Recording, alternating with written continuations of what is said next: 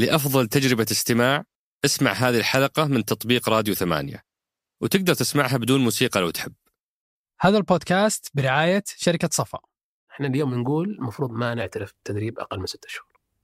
المفروض أي أحد قبل لا يتخرج من الجامعة يتدرب لمدة ستة شهور. بس يخوف آه. أبو دانا إنه كل شيء أنت قاعد ترميه على الناس أنت دور شغفك أنت راح ابحث عن الفرص أنت اعرف وش الجديد بس أنا ما أعرف أنا ما أحتاج أحد يساعدني مين اللي بيمسك يدي ويخليني أعرف وش شغفي ثم يخليني أعرف وش المستجدات اللي صارت في السوق. وش المهارات اللي أحتاجها يعني أتذكر واحد من زملائي في الشركة كان يقول يا أخي ترى لو الحكومة اشتغلت ما صار عندنا بزنس. قلت ما بصحيح. ال ال ال ال لأنه كان العمل الحكومي فيه رتابة وفيه هدوء. اليوم العمل الحكومي يعني مخيف.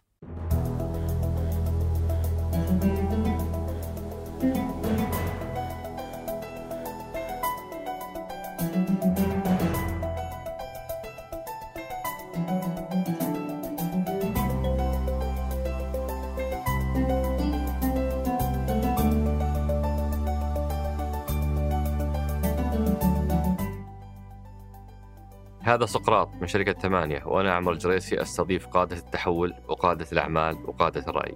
ضيف حلقتنا اليوم هو المهندس أنس المديفر الرئيس التنفيذي لبرنامج تنمية القدرات البشرية. أحد برامج تحقيق رؤية السعودية 2030 آه، يمكن هذا مو بأول برنامج سبق استضفنا ثلاث أو أربع برامج من برامج تحقيق رؤية. فما توسعنا كثير في شرح مفهوم البرامج وارتباطها بالرؤية عشان ما يعني ناخذ من وقتكم. فاللي مهتم يفهم هذا الجزء يرجع للحلقات السابقة مع قادة البرامج وحنحطها في وصف الحلقة. لكن إحنا دخلنا مباشرة على مفهوم تنمية القدرات البشرية. إيش هي القدرات الأربعة اللي هم بعد بحثهم وصلوا إلى أنها هي الأساسية لجعل المواطن السعودي منافس عالميا؟ آه، تكلمنا على آه، التحديات اللي واجهوها لما سووا المسح آه، آه، أو تحليل الوضع الراهن. مثل انخفاض التحاق السعوديين في مرحلة ما قبل الابتدائي في رياض الأطفال. آه، موضوع قصر أيام الدراسة آه، آه، مقارنة بالمعدلات العالمية مو- مع موضوع درجاتنا المتدنية في اختبارات الكتابة والقراءة والحساب اللي تقاس آه، عالميا. آه، موضوع الفجوة بين مخرجات التعليم وسوق العمل واللي تؤدي إلى آه، تأخر التحاق بعض الخريجين بسوق العمل. كل هذه التحديات تحدث عنها ضيفنا آه، وذكر وش اللي تم فيها وش اللي تحقق فيها حتى الآن. آه، ثم عرجنا على موضوع القيم. آه، لأن البرنامج هذا مسؤول أيضا عن القيم وش أهميتها وش القيم اللي إحنا مركزين عليها كيف بنحاول نشتغل على غرسها آه، آه، في المجتمع. وختمنا بمجموعة من أسئلتكم الثمينة. آه، مثل موضوع كيف هم مهتمين باللغة العربية ومؤتمرهم القادم آه، بلغة غير اللغة العربية. آه، الملف الرقمي الموحد لكل الطلاب آه، أيضا سولفنا عنه ليش لم يتم حتى الآن؟ تكلمنا على ما الذي يقدم للفئة العمرية ما بعد 60 سنة. هل التعليم فقط محصور على فترة الدراسة وسوق العمل أو في أشياء ما بعد هذه المرحلة؟ إلى آخر أسئلتكم الثمينة. هذه الحلقة برعاية شركة صفا أما الآن أترككم مع الحوار. حياك الله أبو دانا شرفتنا ونورتنا. حياك الله أبو عبد الرحمن سعيد بوجودي معك اليوم. آه، عطني سالفة ال sticker حق شادن طبعا آه، المفروض ما قلت لك قبل اللقاء بس عاد. ما نفوت عنا أي فرصة. كل معلومة بناخذها ونحولها لصالحنا. شادن graphics designer عندنا بال- بالبرنامج وما شاء الله يعني من المبدعين. توظفت في البرنامج fresh آه، قبل لا أجي حتى. آه، وما شاء الله متميزة في ومبدعة بالعمل. فأنا دائما لما نطلب أشياء هويات وكذا ال artist ياخذون وقتهم يروقون. أنا عجل شوي. مو بشوي عجل واجل فكل ما جيت قلت ما خلصتوا. مرة كانوا شغالين على لوجو أعتقد حق برنامج خادم الحرمين للإبتعاث يعني. it done in-house يعني في في البرنامج. ومع إطلاق الاستراتيجية. فدخلت قلت ما خلصتوا. في أحد صورني راح سويت sticker وكتبت ما خلصتوا فصر ما سألت عن موضوع حطت بالستيكر يعني للزملاء يعني ما خلصتوا وهذه كانت اللي جاب طاريها إنه قاعد أقول لك إنه وإحنا نتلقى أسئلة الناس في واحد يبدو لي عمل معك أو ما زال يعمل يمكن يبغاك تدور يمكن عشان تفصله. يقول إنه حار أبو دانا حار مرة يعني هو يثني على تعاونك الشخصي بس يقول إنه حار كل شيء بيخلصه أمس و... ودائما فوق روسنا ولا يوقف. فمنها جاء طاري ما خلصتوا. المفاجأة إنه هذا الشخص الحار يقود آخر البرامج اللي أطلقت. فما خلصتوا. ما, ما أطلق برنامجكم. ليش تأخر؟ اي طبعا آه، بجاوب على الحار. لا ما ماني بحار ترى بس اليوم ال- الطموح الرؤية والحراك اللي قاعد يصير في الرؤية يخليك يعني you have to catch up لازم يا دوب تلحق. لازم تكون أصلا يعني تفكر ما تفكر بالخطوة الجاية تفكر خمس ست خطوات. يمكن هذا اللي دائما أعمل فيه مع الفريق. لا تفكر بالخطوة اللي جاية. فكر خمس ست خطوات وش اللي بعدها. آه، فلما يكونوا مفكروا خطوتين وأنا قاعد أفكر بالرابعه الخامسة يقول يا أخي انت حار اصبر. خلينا نخلص الخطوة الأولى والثانية. آه، لكن أعتقد يمكن آه، هذه طاقة أكثر منها حرارة وإنرجي وشغف اللي قاعد يصير يعني آه، في الرؤية والاكزامبلز والامثله اللي قاعدين نبنيها. إحنا ترى ما قد صار أبد. يعني اليوم إحنا أول نروح أنا كل شغلي ترى قبل استشارات واشتغلت كثير مع الحكومة وشفت استراتيجيات قبل مع قطاعات. يعني آه، يعني أتذكر واحد من زملائي في الشركة كان يقول يا أخي ترى لو الحكومة اشتغلت ما صار عندنا بزنس قلت ما بصحيح. ال ال ال ال لأنه كان العمل الحكومي فيه رتابة وفيه هدوء.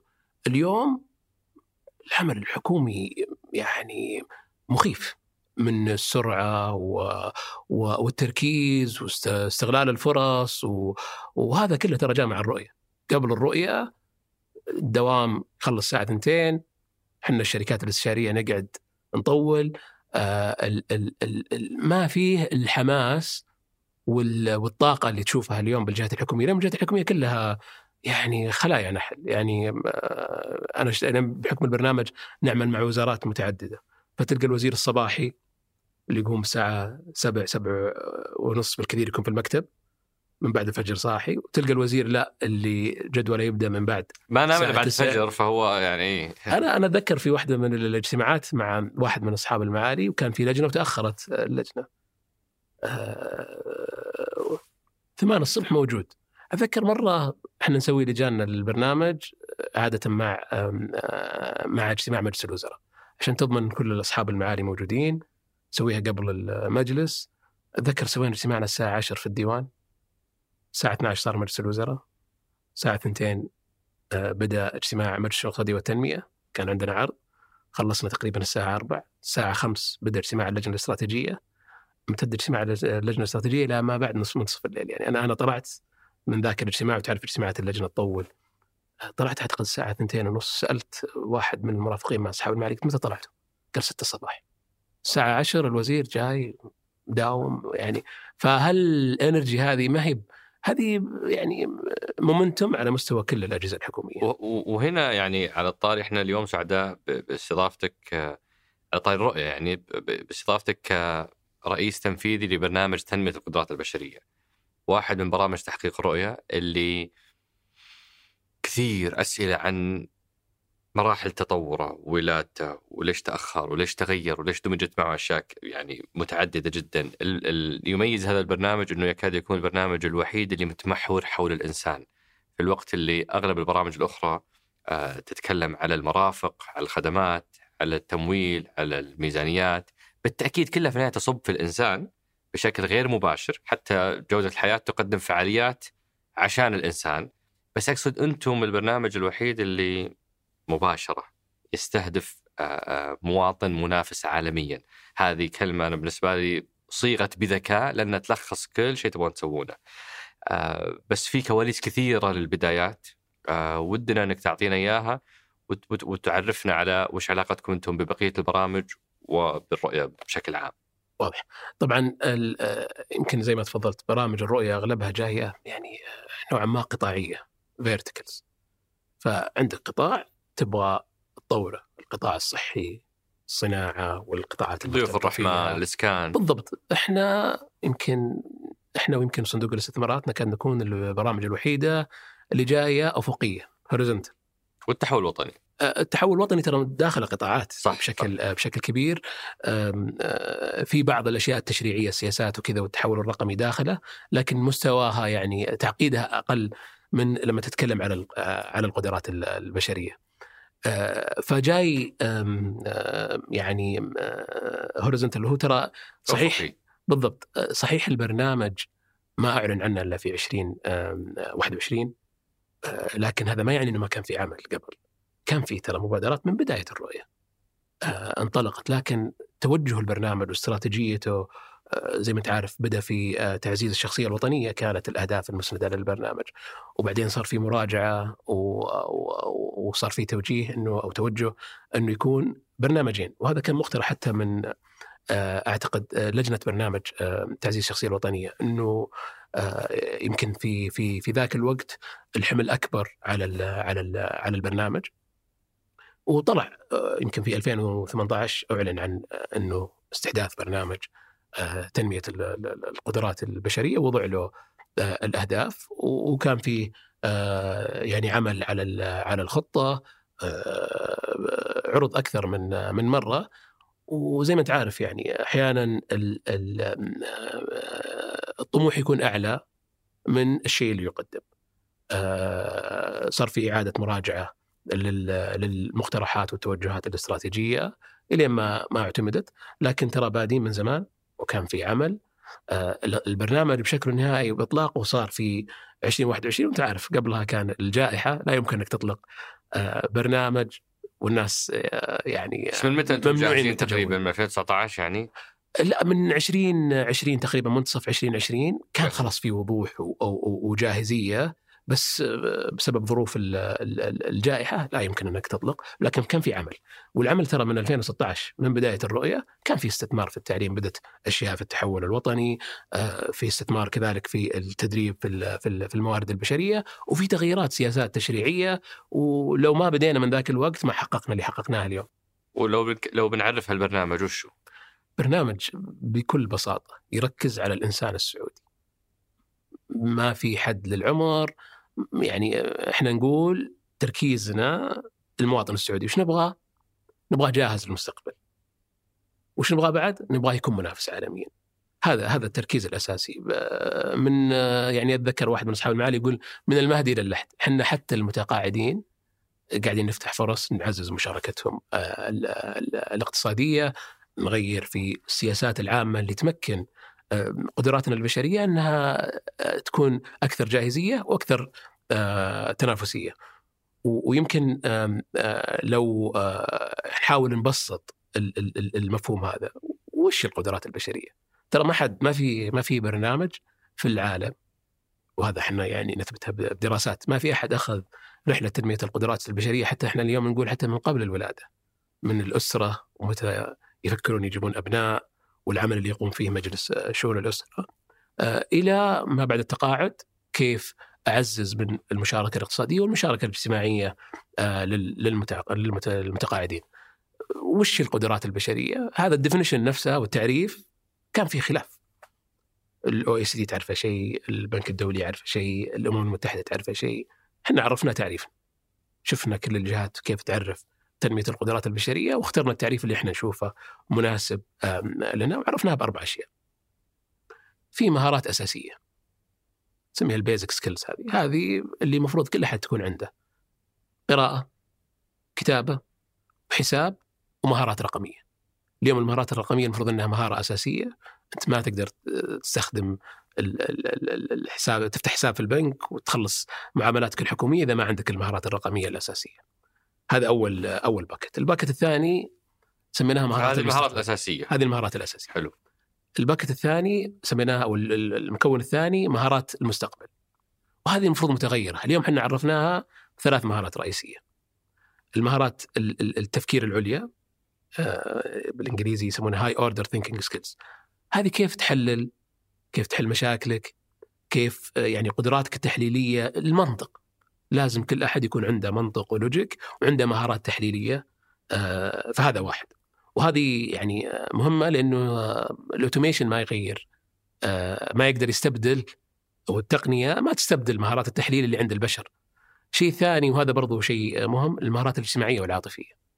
وهذا كان يمكن ما التفتنا له في السنوات الماضية، كيف نطور المهارات الشخصية، ال soft skills والمهارات العاطفية عند الناس.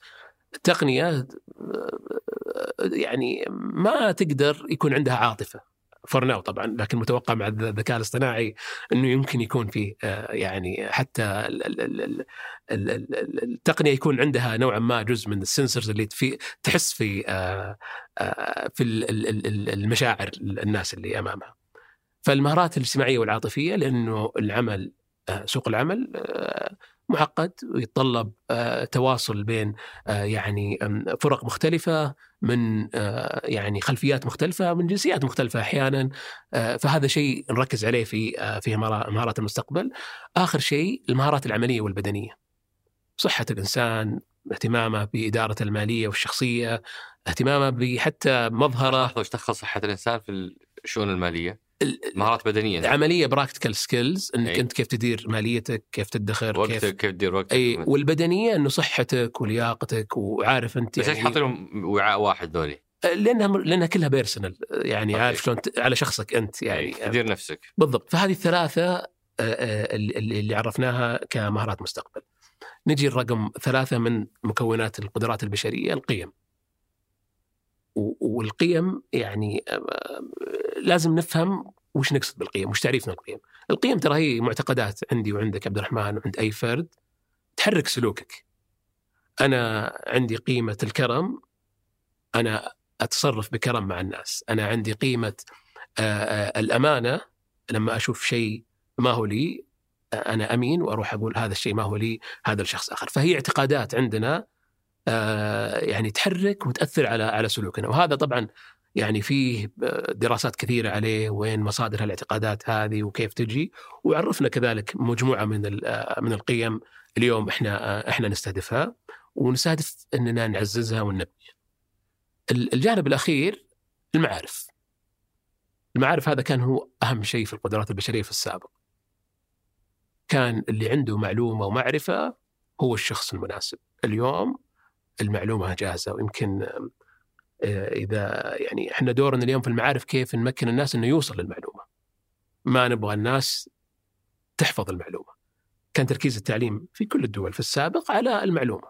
تحفظ وتعرف المعادلات آه، لكن اليوم إحنا نركز على المعارف المرتبطة في سوق العمل في في برنامجنا آه، المعارف التخصصية اللي تساعدك إنك تنافس عالميا آه، في آه، في سوق عمل عالمي ما هو بس آه، يعني إحنا نشوف سوق العمل بشكل بشكل الأشمل يعني. فهذه مكونات القدرات البشرية اللي إحنا نعمل عليها. فإحنا نتكلم عن مهارات أساسية مهارات مستقبل نتكلم على آه، ال- ال- قيم. القيم والمعارف. صحيح. هذه هي الأربع تعريفات للقدرات البشرية. صحيح. وأنتم على عكس المعتاد تستهدفون ال- الإنسان السعودي من قبل ولادته إلى وفاته. صحيح. هذه كلها تعتبرون إنها نطاق أنتم تشتغلون عليه مو بس مهتمين بمرحلة عمرية مرحلة المدرسة ولا مرحلة العمل. أنتم ماخذين الرحلة كاملة حقت الإنسان. صحيح. آه، ولو بنتكلم آه، على على طريقة تصميم مبادراتكم. أنتم يعني تعقيد برنامجكم إنه مثلا في صندوق الاستثمارات العامه ال- الموضوع شوي أبسط بأنه عندنا مشكلة هنا أسس له شركة. عندنا مشكلة هنا أو عندنا فرصة هنا خصص لها فند فالموضوع كتصميم نوعا ما أسهل. أنتم تتكلم على الإنسان وتتكلم عليه من قبل ولادته إلى وفاته شلون صممتوا مبادراتكم؟ واضح. طبعا اتذكر واحد من أصحاب المعالي يقول آه، برامج الرؤية الهاردوير البرنامج هذا ال software ال software أي طبعا قبل مين المبادرات رئيس لجنة برنامجكم؟ سمو سيدي ولي العهد الله يحفظه والأعضاء؟ رئيس اللجنة الأعضاء آه، فيه من ال demand side من جهة الطلب فوزير الصناعة آه، وزير السياحة آه، وزير الاتصالات فيه من جهة التشريع ووضع السياسات وزير الموارد البشرية وزير ال ال ال ال الاقتصاد وفي من جهة العرض آه، وزير التعليم وكذلك آه، معالي رئيس مجلس إدارة آم، هيئة تقويم التعليم آه، والتدريب. ومعالي محافظ ال- ال- المؤسسة العامة للتدريب التقني والمهني. من العرض برضو نسيت آه، معالي وزير التجارة ومعالي وزير الثقافة كذلك. يمكن الثقافة برضو هوريزونتال في العرض وفي الطلب وفي آه، سمو وزير الثقافة في العرض وفي الطلب وكذلك في ال- ال- ال- اللي هو ال- السياسات. ال- في العرض والطلب وفي السياسات كذلك. معرفة الأخبار الاقتصادية صارت جدا مهمة هذه الأيام وممكن تأثر على حياة الكل. اقتصاد الشرق مع بلومبرج تجيب لك آخر الأخبار وانعكاساتها عليك على مدار الساعة. شاهد قناته منصات الشرق للأخبار واقتصاد الشرق مع بلومبرج لتتابع العالم تابع الشرق. الرابط في وصف الحلقة. أنا محمد آل جابر. وأنا هادي فقيهي. وهذا جديد ثمانية بودكاست جادي. كل أسبوع بنجلس نتناقش حول مواضيع اقتصادية واجتماعية ونتناولها من زوايا مختلفة. ونعرض فيها سياق جديد للأحداث والظواهر الاجتماعية. اشترك في بودكاست جادي من خلال الرابط في وصف الحلقة.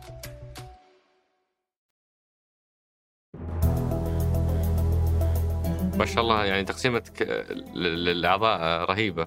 بس نرجع لموضوع تصميم المبادرات. شلون صممتوها بحيث إنها يعني تخدم هذا النطاق الواسع وهذا الاحتكاك المعقد مع الإنسان. أنا ودي يمكن نتكلم على الاستراتيجية قبل. أوكي. لأن المبادرات هي مكونات في, في الاستراتيجية.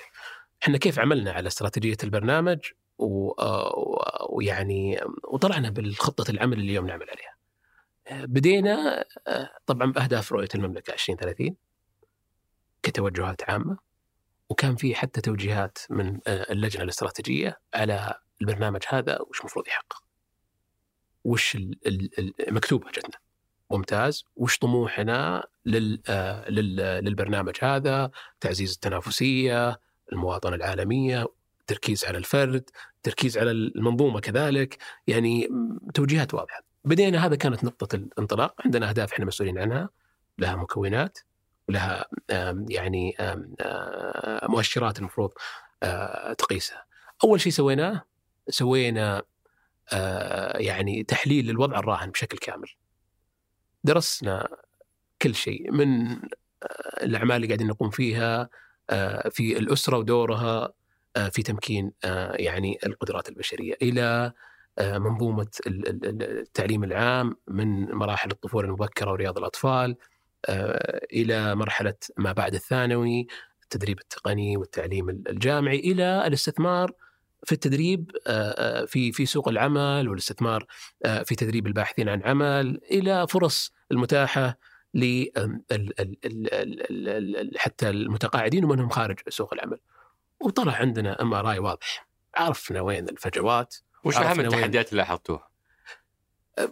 كروس يعني هو على على على, على تشخيص الواقع هذا اللي يمكن في ثلاث تحديات يمكن أهم أهم التحديات اللي لقينا إنه في فجوة كبيرة. يمكن أول تحدي موضوع رياض الأطفال.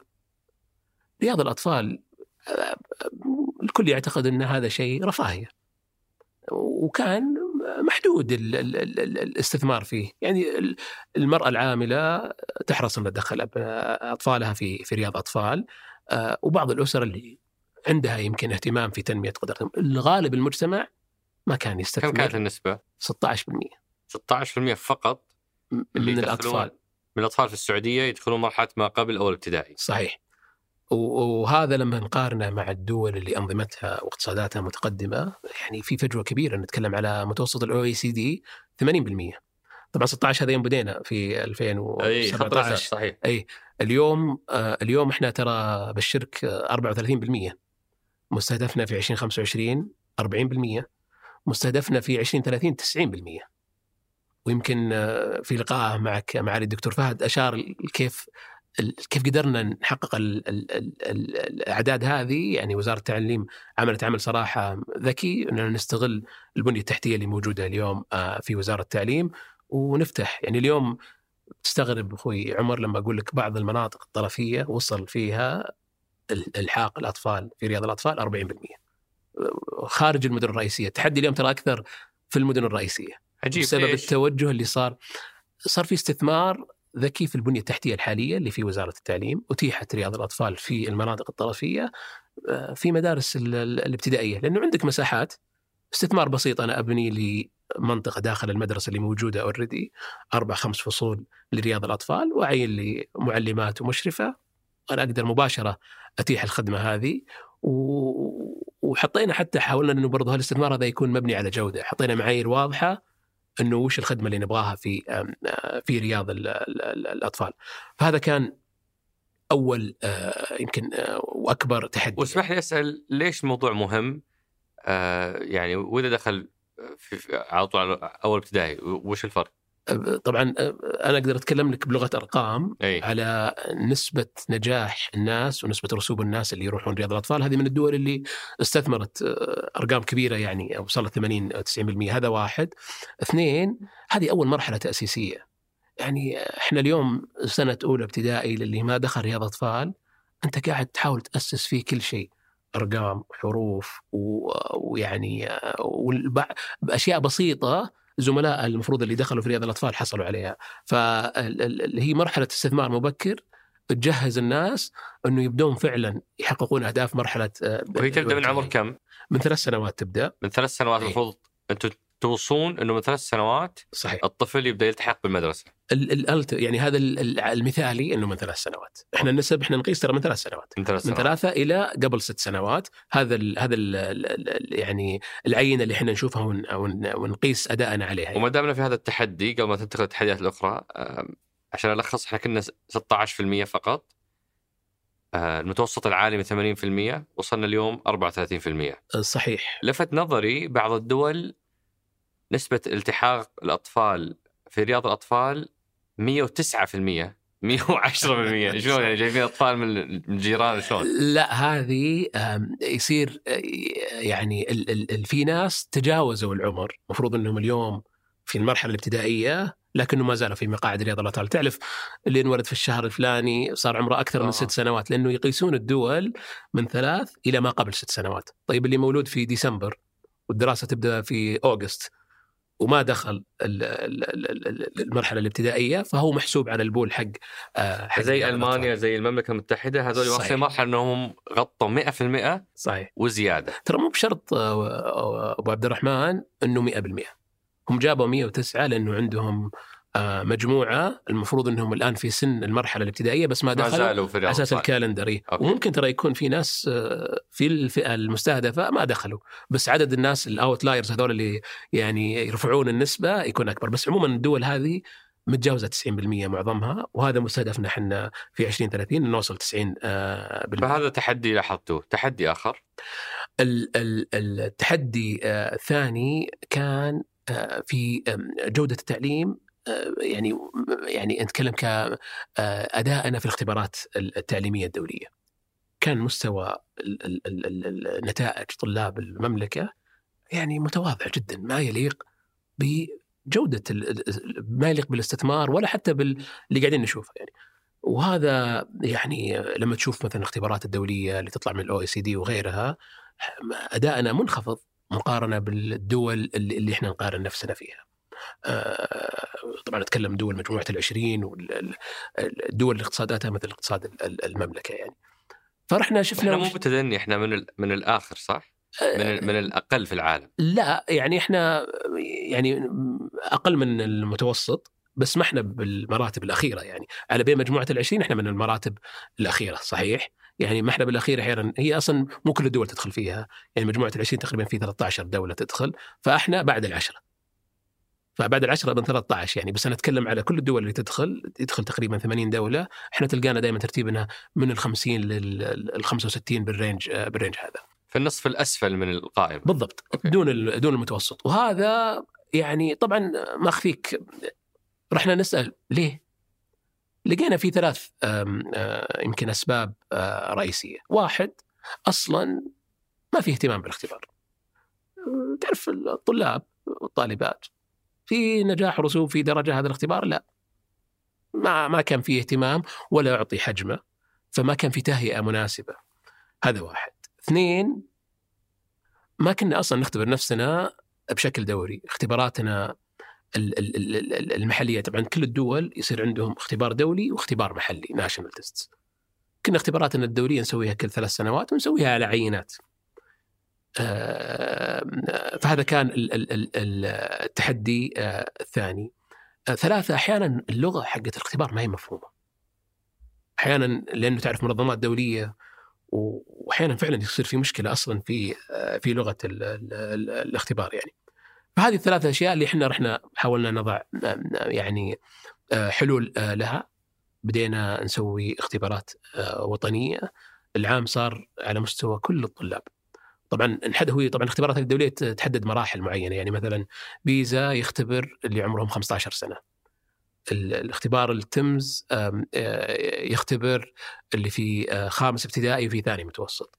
إحنا اختباراتنا الوطنية كانت تقام كل ثلاث سنوات. اليوم صارت سنوية. كانت تأخذ نفس المراحل اللي يأخذها تمز. اليوم أخذنا مراحل مختلفة عشان يكون عندنا يعني بيانات أكثر تمكننا نعرف وين آه، وين آه، فرص التحسين آه، عندنا. فالعام صار اختبار نافس آه، يعني آه، بشراكة بين آه، وزارة التعليم وهيئة تقويم التعليم. اختبروا أكثر من آه، مليون آه، طالب آه، في مرحلة ثالث ابتدائي سادس ابتدائي وثالث متوسط. والاختبار أخذ حقه تهيئة الطالب عارف إنه هذا الاختبار مهم. المعلمين والمدرسة عارفين إنه هذا الاختبار مهم آه، يعطينا يعني انعكاس لمستوى جودة التعليم آه، عندنا. وصار عندنا اليوم بيانات نقدر نقدر نعرف وين الفجوات وين ال- ال- ال- ال- ال- التحديات اللي نحتاج آه، نعمل عليها. وبنفس الوقت نعرف نقاط الضعف وين هل إحنا عندنا تحدي في الرياضيات ولا في القراءة؟ هل تحدينا أصلا في التأسيس في مرحلة الابتدائي ولا في آه، المرحله المتوسط؟ هذه البيانات أتيحت اليوم لادارات التعليم للمدارس لوزارة التعليم آه، كل آه، كل إدارة آه، عندها الاطلاع ويقدرون يقيمون المدرسة كيف آه، كيف أدائها. وتتفاجأ يعني نلاقي مدارس آه، بعضها حتى يعني ايذر في منطقة آه، يعني ما هي منطقه يعني رئيسية في مدن أو محافظات وما عندها يعني ما- المقومات ال- ال- اللي تخليها تقول هذه مدرسة متميزة. بسبب جودة المعلمين اللي فيها أرقامهم تكون مرة ممتازة. يعني شيء شيء يعني صراحة يلفت الانتباه نروح نشوف كيف هذا الجماعة سووا. فتلقى إخلاص المعلمين اللي موجودين فيها والمعلمات اللي موجودين فيها وحرصهم واهتمامهم صار له أثر واضح على جودة طلابهم بكل أمانة. يعني المعلمين والمعلمات ترى هم رأس حربة في في التعليم ال- العام. التحدي الثالث كان هنا ما علمتنا وين وصلنا. مأجلها أنت ولا ولا ما بعد سوينا شيء كويس فيها؟ الا اشتغلنا اليوم اليوم عندنا الديتا. النتائج. صار في نتائج آخر دورتين في الاختبارات الدولية فيها تقدم. كل الدول انخفضت بسبب الجائحة. إحنا من الدول الوحيدة اللي كان عندنا آه، يعني نمو ممتاز وخصوصا في الرياضيات واللي فاجأنا طبعا الاختبارات هذه دائما الطالبات عندنا في المملكة ادائهم أفضل من آه، الطلاب. لأول مرة في الاختبارات هذه الطلاب يتجاوزون الطالبات في الرياضيات. طبعا الطالبات إحنا عرفنا السبب وش؟ السبب إنه ال ال ليش أداء الطالبات آه، أفضل؟ واحدة من أهم الأسباب جودة المعلمات. يعني اليوم ال ال ال ال آه، مهنة التعليم ما هي آه، المهنة الأولى آه، لل- للشباب. يعني لل... تخرج من بتدخل الجامعة عندك فرص كثيره متاحة في السابق فبتختار تروح هندسة ولا تخصصات ثانية. لما تخرج عندك برضه فرص كثيره في سوق العمل. العشرين سنة الماضية كان في تحديات في الفرص المتاحة للسيدات. فكانت مهنه التعليم من المهن يعني المفضله فكان افضل خريجات الجامعة افضل ما ننتج إحنا من قدراتنا ال- ال- البشريه النسائيه تروح للتعليم، هذا انعكس على ال- الطالبات يعني، فاحنا اليوم قاعدين نحاول ال- ال- كل من يصل لهالمهنه هذه يكون من افضل منتجات ال ال ال ال يعني مؤسساتنا التعليميه. ومتى كانت اخر دوره قياس؟ آه، طبعا تم الاختبار في 20 آه، 22 في ديسمبر وأعلنت نتائجه في 2023 في آه، ديسمبر كذلك. وكنا في القراءة في الكتابة في الحساب كلها أرقامنا أحسن آه، في القراءة بس كان فيه آه، يعني آه، انخفاض وأعتقد بسبب ال- التعليم آه، عن بعد. كان عن بعد وهذا الدول الثانية صار في انخفاض في كل آه، في كل آه، نسبة ما في أعتقد إلا كان كوريا واليابان اللي حافظوا على مراكزهم. بقية الدول كلها كان تأثير سلبي كبير. أنا أتكلم على وما هو بكل الدول تدخل فيه تقريبا حول 70 آه، 80 دولة. أتكلم على ألمانيا على كندا على أمريكا. في دول أصلا ما استطاعت أنها تسوي اختبار. فهذا تحدي ثاني. آه، وأخذنا لمحة عن كيف تعاملتوا معه. وش في تحديات أخرى لاحظتوها في المسح؟ التحدي ال- ال- ال- الثالث آه، استشرافنا لاحتياجات سوق العمل. حنا- وهذا صداع هذا إحنا يعني آه، كنا معظم إجراءاتنا نتخذها ردة فعل. آه، أنا دائما أضرب المثال هذا أقول في أشياء صارت عندنا في السعودية ما- ما, عرفنا لها تفسير. اتذكر عبد الرحمن أول ما بدأت كباين الاتصالات. أمتلت السعودية أنا أبو عبد الرحمن عفوا عمر عبد الرحمن يعني يقدم برنامج آخر برنامج ما هو جيد ولا حد يتابعه ولا حد يشوفه. فإذا تذكر عبد الرحمن كباين الاتصالات كانت تعبت سعوديين ما إحنا عارفين ليش. بعدين آه، جت مقاهي الإنترنت. طبعا انقرضت الكباين جت مقاهي الإنترنت. لسبب أو لآخر كان اللي يشغلونها سعوديين. ما إحنا عارفين ليش. زين. آه، آه، كان في حاجة في التعليم وتوسع في التعليم. كل الناس راح التعليم لين تفاجأنا إنه عندنا فائض في التعليم. كان في حاجة في القطاع ال- ال- الصحي وتوسعنا والقطاع الأهلي توسع معنا في في القطاع الصحي. وبعدين تفاجأنا إنه في بعض التخصصات عندنا فائض آه، فيها. واليوم نعرف إنه في تخصصات بناء على الديتا اللي موجودة راح يكون فيها فائض في آه، في السنوات القادمة. فكان عملنا ردة فعل. لما يصير عندي فائض يصير عندي مشكلة عدم حصول خريجين على فرص توظيف أرجع أتخذ إجراءات تصحيحية. اليوم هذا كان ألم وتحدي آه، وضعنا له يعني علاج آه، واضح. اليوم عندنا ثلاث أشياء تساعدنا على إننا نتعامل مع مع الألم هذا. عندنا وحدة استشراف العرض والطلب آه، في سوق العمل في وزارة الموارد البشرية اليوم محتضنة. قاعدين يشوفون وش نمو سوق العمل وش الوظائف المتوقع آه، تخلق سواء من خلال المشاريع ال- ال- ال- ال- الكبيرة سواء مشاريع الرؤية أو أو أو غيرها ال- النمو الطبيعي للأنشطة بناء على المتوسطات النمو السابقة و- وتنبؤات آه، يعني الاقتصاد والنمو اللي قاعد يصير عالميا. فصار عندنا وضوح كم إحنا نتوقع نمو سوق العمل وين بيكون النمو هذا وش مستوى ال ال ال الوظائف. وبنفس الوقت رحنا شفنا ال pipeline كم اليوم خط الإنتاج حقنا. كم جامعات. عندي بالضبط الجامعات التدريب التقني. كم عندي أنا ناس اليوم في مرحلة التعليم بعد الثانوي ومتى السنوات المتوقع تخرجهم وكيف هم قاعدين يتوائمون مع التنبؤ حقي. كيف أنا أسوي مقارنة بين خط الإنتاج اللي هو العرض اللي بيطلع والطلب اللي أنا قاعد أتنبأ فيه وأتوقعه. ولقينا فيه آه، في تحديات آه، وضع آه، لكثير منها آه، حلول بس ترى هذه مشكلة عالمية ولا ما في ترى ما في magic stick ما في حل سحري يبي يحلها إحنا اليوم جالسين نكون استباقيين بدل ردود الفعل اللي كانت في السابق في آه، قرارات كثيرة كانت تبنى كردود آه، فعل اليوم عندنا الإمكانيات من البيانات ومن ال- المعلومات ووضوح الرؤية يساعدنا على نعرف إننا إننا ندير هالعملية هذه بشكل آه، بشكل أفضل. لو حسيت بالتشتت بين منصات التواصل وأنت تبحث عن الجديد وآخر الأخبار نشرة آها من ثمانية تقدم لك محتوى مفيد ومتنوع وبعيد عن خوارزميات المنصات. تقراها في خمس دقايق صباح كل يوم. تقربك من المستجدات وتغنيك عن الجوال الباقي اليوم. انضم الآن من الرابط في وصف الحلقة.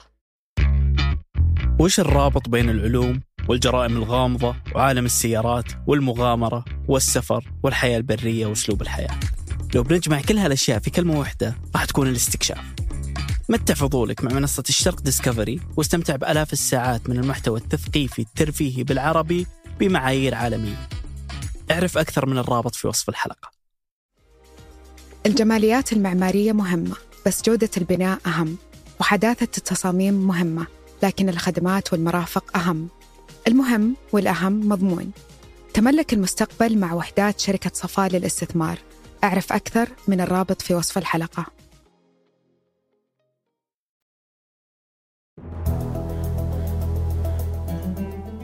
هذه من أهم مواضيع الحلقة بلا شك أ- يعني أستأذنك إني أستفيض فيها شوي.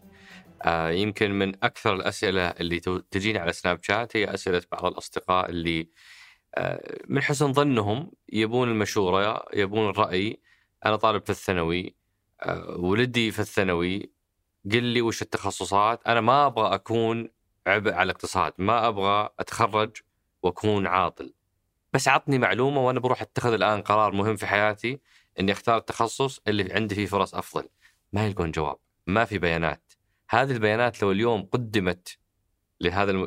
لهذا الجمهور أنت ممكن تريح نفسك وتريحهم من معاناة حتنتج عن إنه اختار خيار وتخرج واكتشف إنه ما, ما, ما له فرص. يعني على سبيل المثال وصححني لو المعلومه هذه مو بصحيحة. من المعلومات الصادمة بالنسبة لي إنه عدد لا بأس به من العاطلين أو ال- الباحثين عن عمل هم خريجين القانون. طيب إذا هذا التخصص ما في كمية وظائف كافية فيه في سوق العمل أو احتياج كافي الجامعات لسه قاعدة تضخ خريجين في هذا من هذا القطاع. شباب وبنات اليوم في الثانوي قاعدين يختارون هذا الخيار ويتخصصون فيه ويقضون خمس سنوات من أعمارهم ولو عرفوا هالمعلومة بأنه هذا التخصص ضمن أكثر ثلاث تخصصات للباحثين عن عمل أو العاطلين قد ينتج عنه قرار مختلف وتبدا شوية المعادلة تتغير سواء الجامعات تبدأ تقلل القبول أو الأشخاص اللي مندفعين على هذا التخصص يبدون يفكرون فيه أكثر من مرة. مثل هذه المعلومات ليش ما هي بمشاركة مع الناس؟ واضح. طبعا ال- اليوم آه، يعني أنا بجاوب على نقطتين آه، أخوي عبد الرحمن. النقطة الأولى ليش المعلومات ما هي آه، ما هي متاحة؟ آه، فيه اليوم آه، تقارير تنشر من آه، المرصد الوطني لسوق العمل آه، وتعطي على اتجاهات سوق العمل وش معدلات ال- ال- ال- التوظيف وكذلك على مستوى الجامعات وعلى مستوى ال ال ال الكليات. فهي موجودة بس ما هي إلى الآن ما وصلنا على مستوى البرنامج هذا المفروض إننا نعلن بس مو بهذا بس ترى الهدف. يعني اليوم ال ال ال نشر البيانات مهم وإن الناس تأخذ أقول هذا أضعف الإيمان، اللي اهم منها إنك تأخذ المعلومة وتروح تقعد مع الجامعات وت- وتحولها إلى هذا قرار. موجود هذا اليوم. الجامعات عندها هذه؟ إي مو إحنا طال عمرك اللي يسويها مرصد المرصد الوطني لسوق العمل آه، بالتعاون طبعا مع هيئة البيانات الذكاء الاصطناعي. الديتا موجودة. الجامعات اليوم يعرفون معدلات التوظيف لخريجين آه، برامجهم. فاحنا لما نجي بس على على التخصصات أبو عبد الرحمن، إحنا في في جانبين لازم نفهمها الجانب الأول جانب ال- الكمية كمية الخريجين كم أحد قاعد يتخرج. والجانب الثاني جانب النوعية الجودة. فإحنا نحاول نحل التحديين هذا. أحيانا التحدي في ال في ال في الكمية واحيانا في النوعية أو ال- ال- المخرج. ال ال ال ال ال اليوم في جهات بعض ال- الجهات المهنية قاعدة تنشر بياناتها. زي مثلا في التخصصات الصحيه ما عندنا إشكالية فيه. ليش؟ لأنه واضح اليوم الطلب وين و- و- وهيئه التخصصات الصحيه تنشر المعدلات مثلا الناس اللي اجتازوا الاختبارات المهنية، اختبارات الرخصة الصحية آه، على حسب الجامعة وعلى حسب ال- البرنامج، هذا عالجني ال- ال- النوعية وعالج لي الكمية إنه هذا الاحتياج اللي موجود في في القطاع الصحي البيانات اللي تنشر من آه، من ال- من الوزارة. ال- الشيء الثاني اليوم كان في تحدي كبير في بيانات قراءة مستقبل سوق العمل. ما هو بسهل ترى.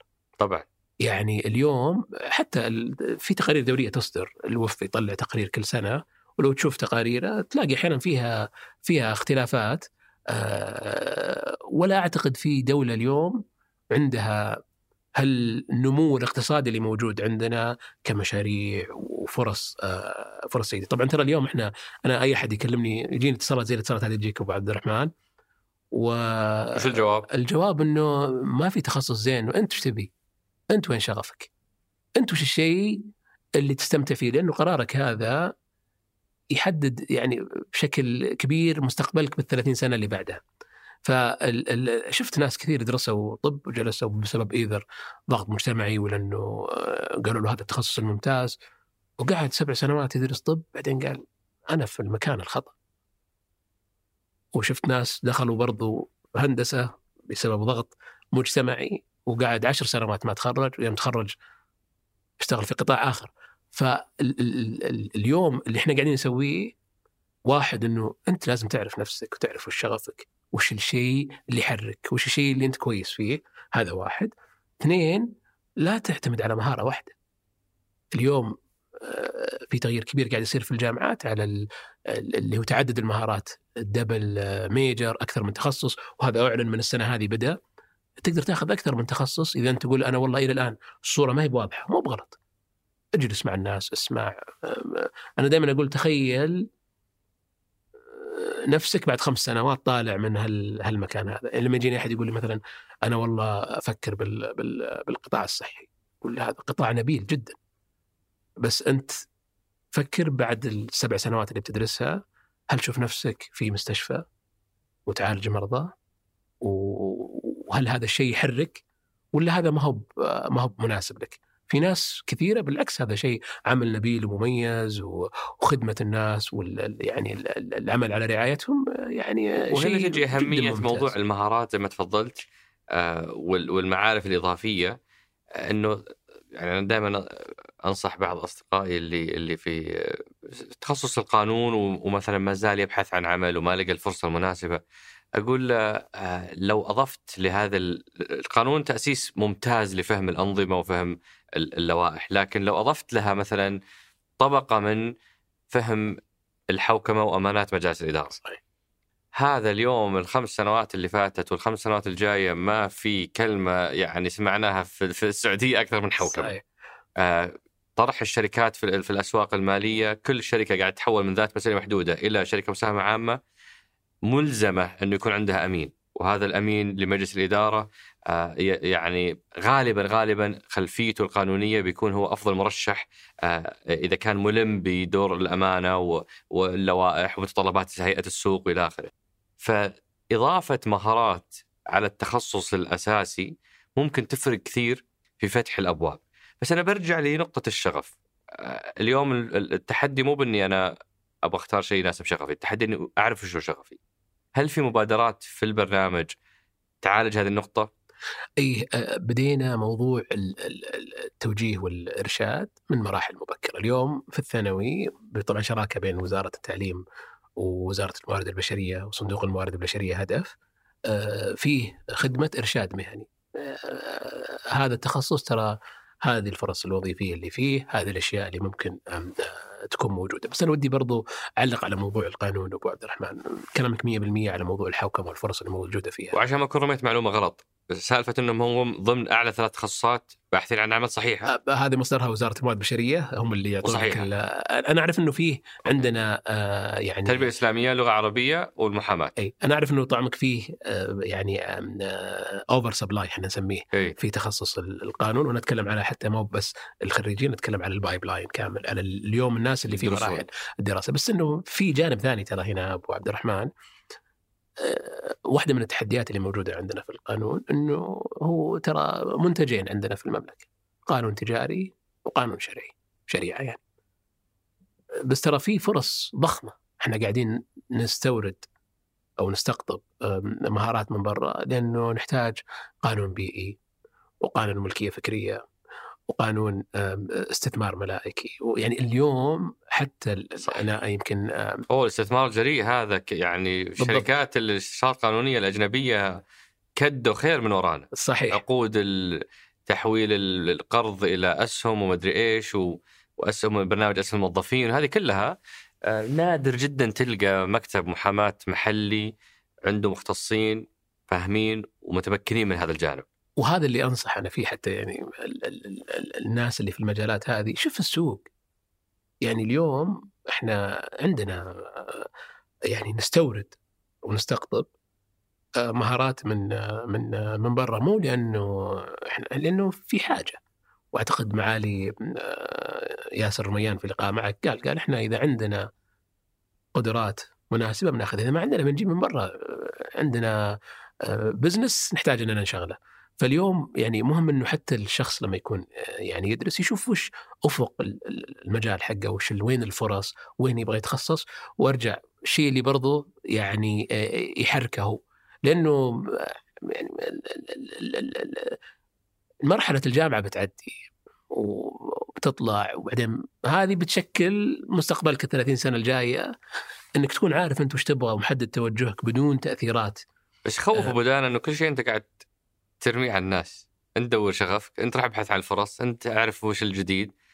بس أنا ما أعرف. أنا ما أحتاج أحد يساعدني. مين اللي بيمسك يدي ويخليني أعرف وش شغفي؟ ثم يخليني أعرف وش المستجدات اللي صارت في السوق. وش المهارات اللي أحتاجها. ماني برمي على الناس. قلت فيه اليوم ابو عبد الرحمن فيه اليوم مبادرة حقت التوجيه والإرشاد وش المهني. هذه؟ لو تسولف عنها أكثر. هذه هذه يعني واحدة من مبادراتكم أنتم. آه، صحيح. هذه هذه اليوم طبعا التوجيه والإرشاد هو coaching و mentorship يعني. آه، خدمة عند آه، صندوق الموارد البشرية هدف آه، فيها خبراء توظيف يعطونك وش مستقبل الوظيفة هذه وش ال- ال- الفرص اللي موجودة فيها وين توجهها وش طبيعة عملها وش ال- المهارات اللي تتطلبها هال- هالمهنه هذه. هذا واحد. اثنين ترى في عمل كثير اليوم آه، قائم خارج الحكومة كذلك. يعني في بروجكت 1932 اللي سووه الشباب عبد الرحمن وال- والطربزوني والفريق. عمل مميز. ممتاز. وفي قمم اللي سووه برضو مجموعة مع مع ماكنزي ممتاز. هذه كلها ترى برامج وفي على مستوى حتى كوميونيتيز أخرى تلاقي فيها البرامج هذه إنه الناس تقدر آه، تعمل. وفي ال- ال- ال- آه، يمكن تطوع بخبرتك العمل اللي سووه آه، يعني الزملاء في وزارة الموارد البشرية والتنمية الاجتماعية يجيبون الشباب هذول. تعال اجلس مع ناس متخذين آه، قرار. وفي اليوم حتى داخل منصة التطوع تقدر تتطوع عن إنك تقدم يعني توجيه وإرشاد لل- للناس فهي موجودة بس هي الأساس أنت لو جيتني وأنت أصلا ما ما اجتهدت ما أقدر أفيدك. يعني إذا أنت ما أنت محضر وجاي وعندك المعلومات ال- الأساسية ما اشتغلت على نفسك ما في أحد يقدر يفيدك. عشان كذا أنا أقول دائما إنها تبدأ من الفرد نفسه. هو يعرف نفسه، يعرف وش يبغى، يعرف وش المهارات اللي عنده، يعرف نقاط قوته وبناء عليها تسأل الناس هذول يضيفون على العمل اللي أنت أسسته وبنيته آه، وال- وال- البنية هذه وبعدين تبدأ تتضح عندك الصورة بشكل بشكل أكبر. وما زلنا إحنا في تحدي الفجوة بين مخرجات التعليم وسوق العمل وهذه مرة مهمة لأنها تكاد تكون المبادرة الوحيدة الواضحة في وثيقة الرؤية الأساسية، يعني لما صدرت وثيقة الرؤية كانت من المآخذ أو الملاحظات أن ما في شيء واضح في خصوص التعليم آه، باستثناء هذه وهي بحسب كلام مع الدكتور فهد في حلقته إنها هذه جامعة للمشروع الأساسي في إنك أنت تعليم الناس هو ليس غاية هو وسيلة إنك أنت تجهزهم للحياة. والتحدي إنه هو صاير مشكلة عالمية. صحيح التعليم يتغير ببطء وسوق العمل يتغير بسرعة فأنت تلاقي وظائف طلعت وظائف انتهت في سنوات قصيرة وقطاع التعليم لسه مو بمستوعب إنه ما عاد أحتاج هذا وأحتاج هذا أو العكس صحيح. فهنا ودي أسمع منك أكثر على وش أهم مبادراتكم في ردم الفجوه بين مخرجات التعليم وبين سوق العمل. ممتاز طبعا أول شيء استشراف سوق العمل إن يكون عندنا وهذا اللي قلنا عنها. الوحدة اللي موجودة في الوزارة. بالضبط ثاني شيء اليوم مخرجاتها معلنة ولا لسه؟ آه، قريبا إن شاء الله أوكي. آه، ثاني شيء ال ال اليوم آه، آه، الجامعات نفسها صار عندها برضو ديتا وضوح على معدلات توظيف خريجينها على آه، متوسط رواتبهم صار تعطيهم مؤشرات وصاروا أقرب لقطاع التوظيف ثالث شيء صار في حتى شراكات بين الجامعات وبين جهات التوظيف انهم يكونون جزء من تطوير ال- ال- ال- ال- البرامج. يعني أنت كنت أبو أبو عبد الرحمن آه، في الزيارة اللي كانت معالي وزير الصناعة في جامعة الملك فهد البترول. آه، برنامج لهندسة التعدين شراكة بين الجامعة وبين آه، بين معادن. في أعمال مشابهة كثير قاعدة تتم في مجالات أخرى مو شرط إن البرنامج يكون كله يعني مصمم لجهة توظيف واحدة لكن خبرات جهة التوظيف هذه تساعد في تطوير البرامج وتعطي يعني يعني تغذية راجعة للمؤسسات ال- الأكاديمية. في التدريب التقني والمهني صار في تركيز على الشراكات. وقصه نجاح يمكن ما أخذت حقها آه، أبو عبد الرحمن هذه، أنت وثقت جزء منها في رحلة آه، وعد آه، وكان في عندنا. برضه حلقة مع معالي الفيد تكلم على موضوع ال- ال- المعاهد الشراكات صحيح. بشكل مقتضب. بس إنه زي ما تفضلت هي قصة لم يعني لم تعطى حقها. يعني اليوم عندنا معهد اللي هو أكاديمية الطيران صيانة الطائرات فيها سعوديين يسوون صيانة كل الطائرات اللي تشوفها عندنا. يقبلون أعتقد 800 آه، إلى 1200 بالسنة على حسب الحاجة الجهات الموظفة. التقديم فوق ال 70 80 80 ألف. وفي زيها كثير أكاديميات الحفر مع مع مع ارامكو وشركات الاستخراج النفط والكثير في قطاع السياحة أو غيرها يعني. فهذا كله يعني أعمال صارت. الهدف منها أننا يعني نقلل من الفجوة اللي اليوم موجودة. بس ترى يعني يعني حتى في في دول العالم أبو أبو عبد الرحمن ما ما الجامعات ترى ما هي الهدف الأساسي فقط سوق العمل. صح. يعني حتى يمكن نشتغل مع ناس كثير تلاقيه اليوم متخرج دارس كيمياء ويشتغل في شركة استشارية. لأنه بعض المهن تتطلب بس مهارات شخصية ومهارات تحليلية ويعني وقدرات ما هي في التخصص ما عاد اليوم الهدف المعلومة اللي تاخذها من الجامعة. الهدف اليوم أنت مهاراتك شخصيتك قدرتك على التحليل. عشان كذا لما تشوف الشركات الاستشارية يهمهم الجامعة اللي أنت درست فيها.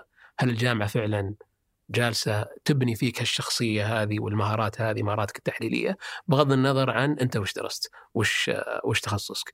ولا يمكن في يوم من الأيام نجي نقول إنه إحنا بنقفل يعني آه، تخصص التاريخ في جامعة الملك سعود لأنه سوق العمل ما يحتاجه. يعني آه، أعتقد إنه سوق العمل بيحتاج ناس عندهم آه، تاريخ. يمكن ما يحتاج الكمية اللي اليوم بعض الجامعات تقبل فيها بس إنه المفروض أن نركز على النوعية ونركز حتى على الدراسات العليا وعلى الأبحاث وغيرها. بس أرجع أقول الجامعة هي مرحلة تصقل مهاراتك أكثر من أنها تأخذ معارف تاهلك لسوق العمل هذا المعادلة هذه انتهت ولا عاد موجودة واليوم شفنا ناس بدون شهادة جامعية اليوم شفنا ناس اسسوا شركات مليارية ولا ناس حتى في شركات وصلوا إلى آه، نواب رؤساء تنفيذيين في شركات ضخمة ما عنده شهادة جامعية. عنده مهارة وعنده مهارات قيادية وصلته للمكان هذا ما هي بالشهادة. وهنا يمكن أهم مؤشر يقيس هذا الموضوع هو آه، نسبة التحاق آه، خريجين التعليم بسوق العمل. إي صح؟ صحيح. وش وش الهدف عندكم؟ آه، وين وصلنا فيه؟ طبعا هذا ال ال ال في عندنا مؤشرين مؤشر للتدريب التقني ومؤشر للتعليم الجامعي فاليوم أعتقد وصلنا 32% آه، معدلات توظيف الخريجين خلال ستة شهور يعني إحنا اليوم في البرنامج تركيزنا على الوظائف عالية المهارات المفروض اللي يطلع من الجامعة يكون عنده مهارات عالية تمكنه من الوصول آه، لسوق العمل. آه، ونشوفها من من من معيارين. أول ما يتخرج الواحد إذا توظف خلال ستة شهور معناته إنه عنده المهارات اللي يحتاجها آه، سوق العمل. إذا ما توظف معناته أنا أحتاج أستثمر في رفع مهاراته أو إعادة تأهيله. فعندنا مؤشر ثاني نقيس اللي توظفوا خلال 12 شهر. وهنا طبعا يشارك معنا هدف ببرامجه التدريبية آه، آه، على أساس نقدر آه، يعني يكون فيه يعني إلحاق للناس في في سوق هذا كم خط الأساس وكم وصلنا فيه؟ اللي هو 12 شهر 12 شهر أعتقد اليوم كان خط الأساس تقريبا حول ال 52 وصلنا تقريبا 56% الخريجين التعليم الجامعي كان خط الأساس آه، بالحسبة الأولى حول عشرة تقريبا ولما صار فيه تجويد البيانات وجمع البيانات حتى الجامعات الأهلية وكذا ارتفعت النسبة واليوم حققنا فيه أكثر من آه، من 32 آه، بالمية. التدريب التقني أعلى كذلك. التدريب التقني نستهدف تقريبا 45% في 20 25 إحنا اليوم بالأربعينات تقريبا اللي يتوظفون خلال ستة شهور يعني. وهذا طبعا يتم متابعته المؤشر وتجويده. يعني عندنا ترى تحدي أبو عبد الرحمن كان في جودة البيانات لأنه تتكلم أنت عن تقريبا 40 جامعة وجامعات حكومية وجامعات أهلية بياناتها غير مركزية. تعرف الجامعات مؤسسات مستقلة زي أي مكان في العالم. عشان نقدر نجمع البيانات هذه ونضبط جودتها. أخذ الموضوع شوي وقت. اليوم الحمد لله عندنا وضوح في في البيانات وهذا كان يعني صراحة عمل يعني مميز سووه الزملاء في هيئة الهيئه السعودية للبيانات الذكاء الاصطناعي. انه قدرنا نجمع مصادر بيانات موثوقيتها عالية وتعطينا دقة في في في ال- في المتابعة وتغذية راجعة للجامعات سواء الجامعات الحكومية والجامعات الاهليه. ولو بنتجاوز هذا التحدي آه، تحدي الفجوة بين التعليم وسوق العمل آه، وش في تحديات أخرى برضو قاعدين تشتغلون عليها؟ آه، يمكن هذه ثلاثة أبرز ال- ال- ال- التحديات إحنا ما بس ما إحنا قاعدين ترى بس نعالج تحديات إحنا قاعدين نشوف فرص وش الفرص؟ الفرص كثير الفرص أهمها. اليوم يعني بعطي مثال يعني الموهوبين فرصة ضخمة إحنا كان في استثمار رائع من مؤسسة موهبة في المواهب العلمية. يمكن نجاحاتنا وسجل نجاحات موهبة في في آيسف يعني يشهد بال- بالشيء هذا. آه، بس ترى فيه آه، فرصة أكبر آه، في المواهب الفنية في المواهب الرياضية اكتشافها من بدري والاستثمار فيها. وهذا صار اليوم مع أكاديمية ماهد ومع العمل اللي تقوم فيه وزارة الثقافة في ال- ال- المهارات الثقافية في عمل مميز. حتى على المواهب العلمية أبو, أبو عبد الرحمن يعني آيسف يمكن هذه معلومة مو بالكل يعرفها. إحنا مسموح للدول ترى تشارك ب 35 طالب فقط. لو فتح المجال المملكة عندها القدرة أنها تشارك بعدد أكبر وتنافس بشكل بشكل أكبر، كل الدول 35 طالب إلا الولايات المتحدة عندها يعني أعتقد السقف مفتوح، فابنائنا لما يروحون يفوز المركز الأول على العالم يعني هذا شيء مميز، وترى كان في محدودية بالكشف. الكشف على الموهوبين واختبارات الكشف. آه، في برضو آه، ما هو كل اللي نكتشفهم يتم تبنيهم ووضعهم في برامج آه، يعني لإثراء مواهبهم. فعندنا اليوم فرصة قاعدين نشتغل عليها ونتوسع فيها مع وزارة التعليم مع وزارة الثقافة مع وزارة الرياضة مع مع موهبة. هذا واحد. اثنين مستوى إحنا تعليمنا الجامعي ممتاز. عندنا فرصة ان نصدر التعليم هذا. أنا تفاجأت إنه في واحدة من الجامعات الأهلية عندها طلاب مبتعثين من واحدة من دول الخليج. وأتكلم على 400 500 طالب. مو هو مو بشوي. تفاجأت إنه يعني عندنا أكثر من 70 ألف. ليش ما تقول اسم الجامعة؟ ما دام إنه يعني مثال حسن. بالعكس أبرك ساعات يعني جامعة رياض العلم لطب الأسنان. أه، استقطب الطلاب من الكويت وكانوا أعتقد مبتعثين من حكومة الكويت وبعضهم دارسين على حسابهم الخاص. أه، في سنة من السنوات كان عندهم 400 طالب وطالبة من الكويت جايين يدرسون.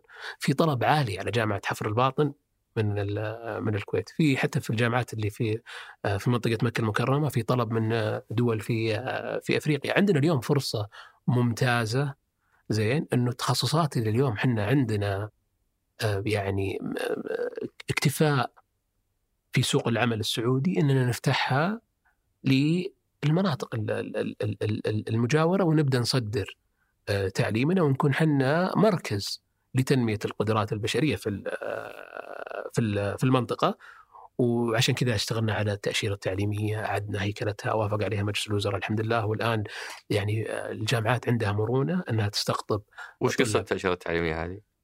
تأشيرة زي التأشيرات الباقية كان الطالب على كفالة الجامعة إذا بيسافر لازم يسوي له خروج وعودة غير مصرح له آه، بالعمل إلا في آه، يعني ظهر ساعات محدودة وفي مرافق الجامعة آه، غير مسموح له أنه ي- يعني آه، يعني يجيب معه أسرته إلا بشروط يعني حدود ضيقة جدا.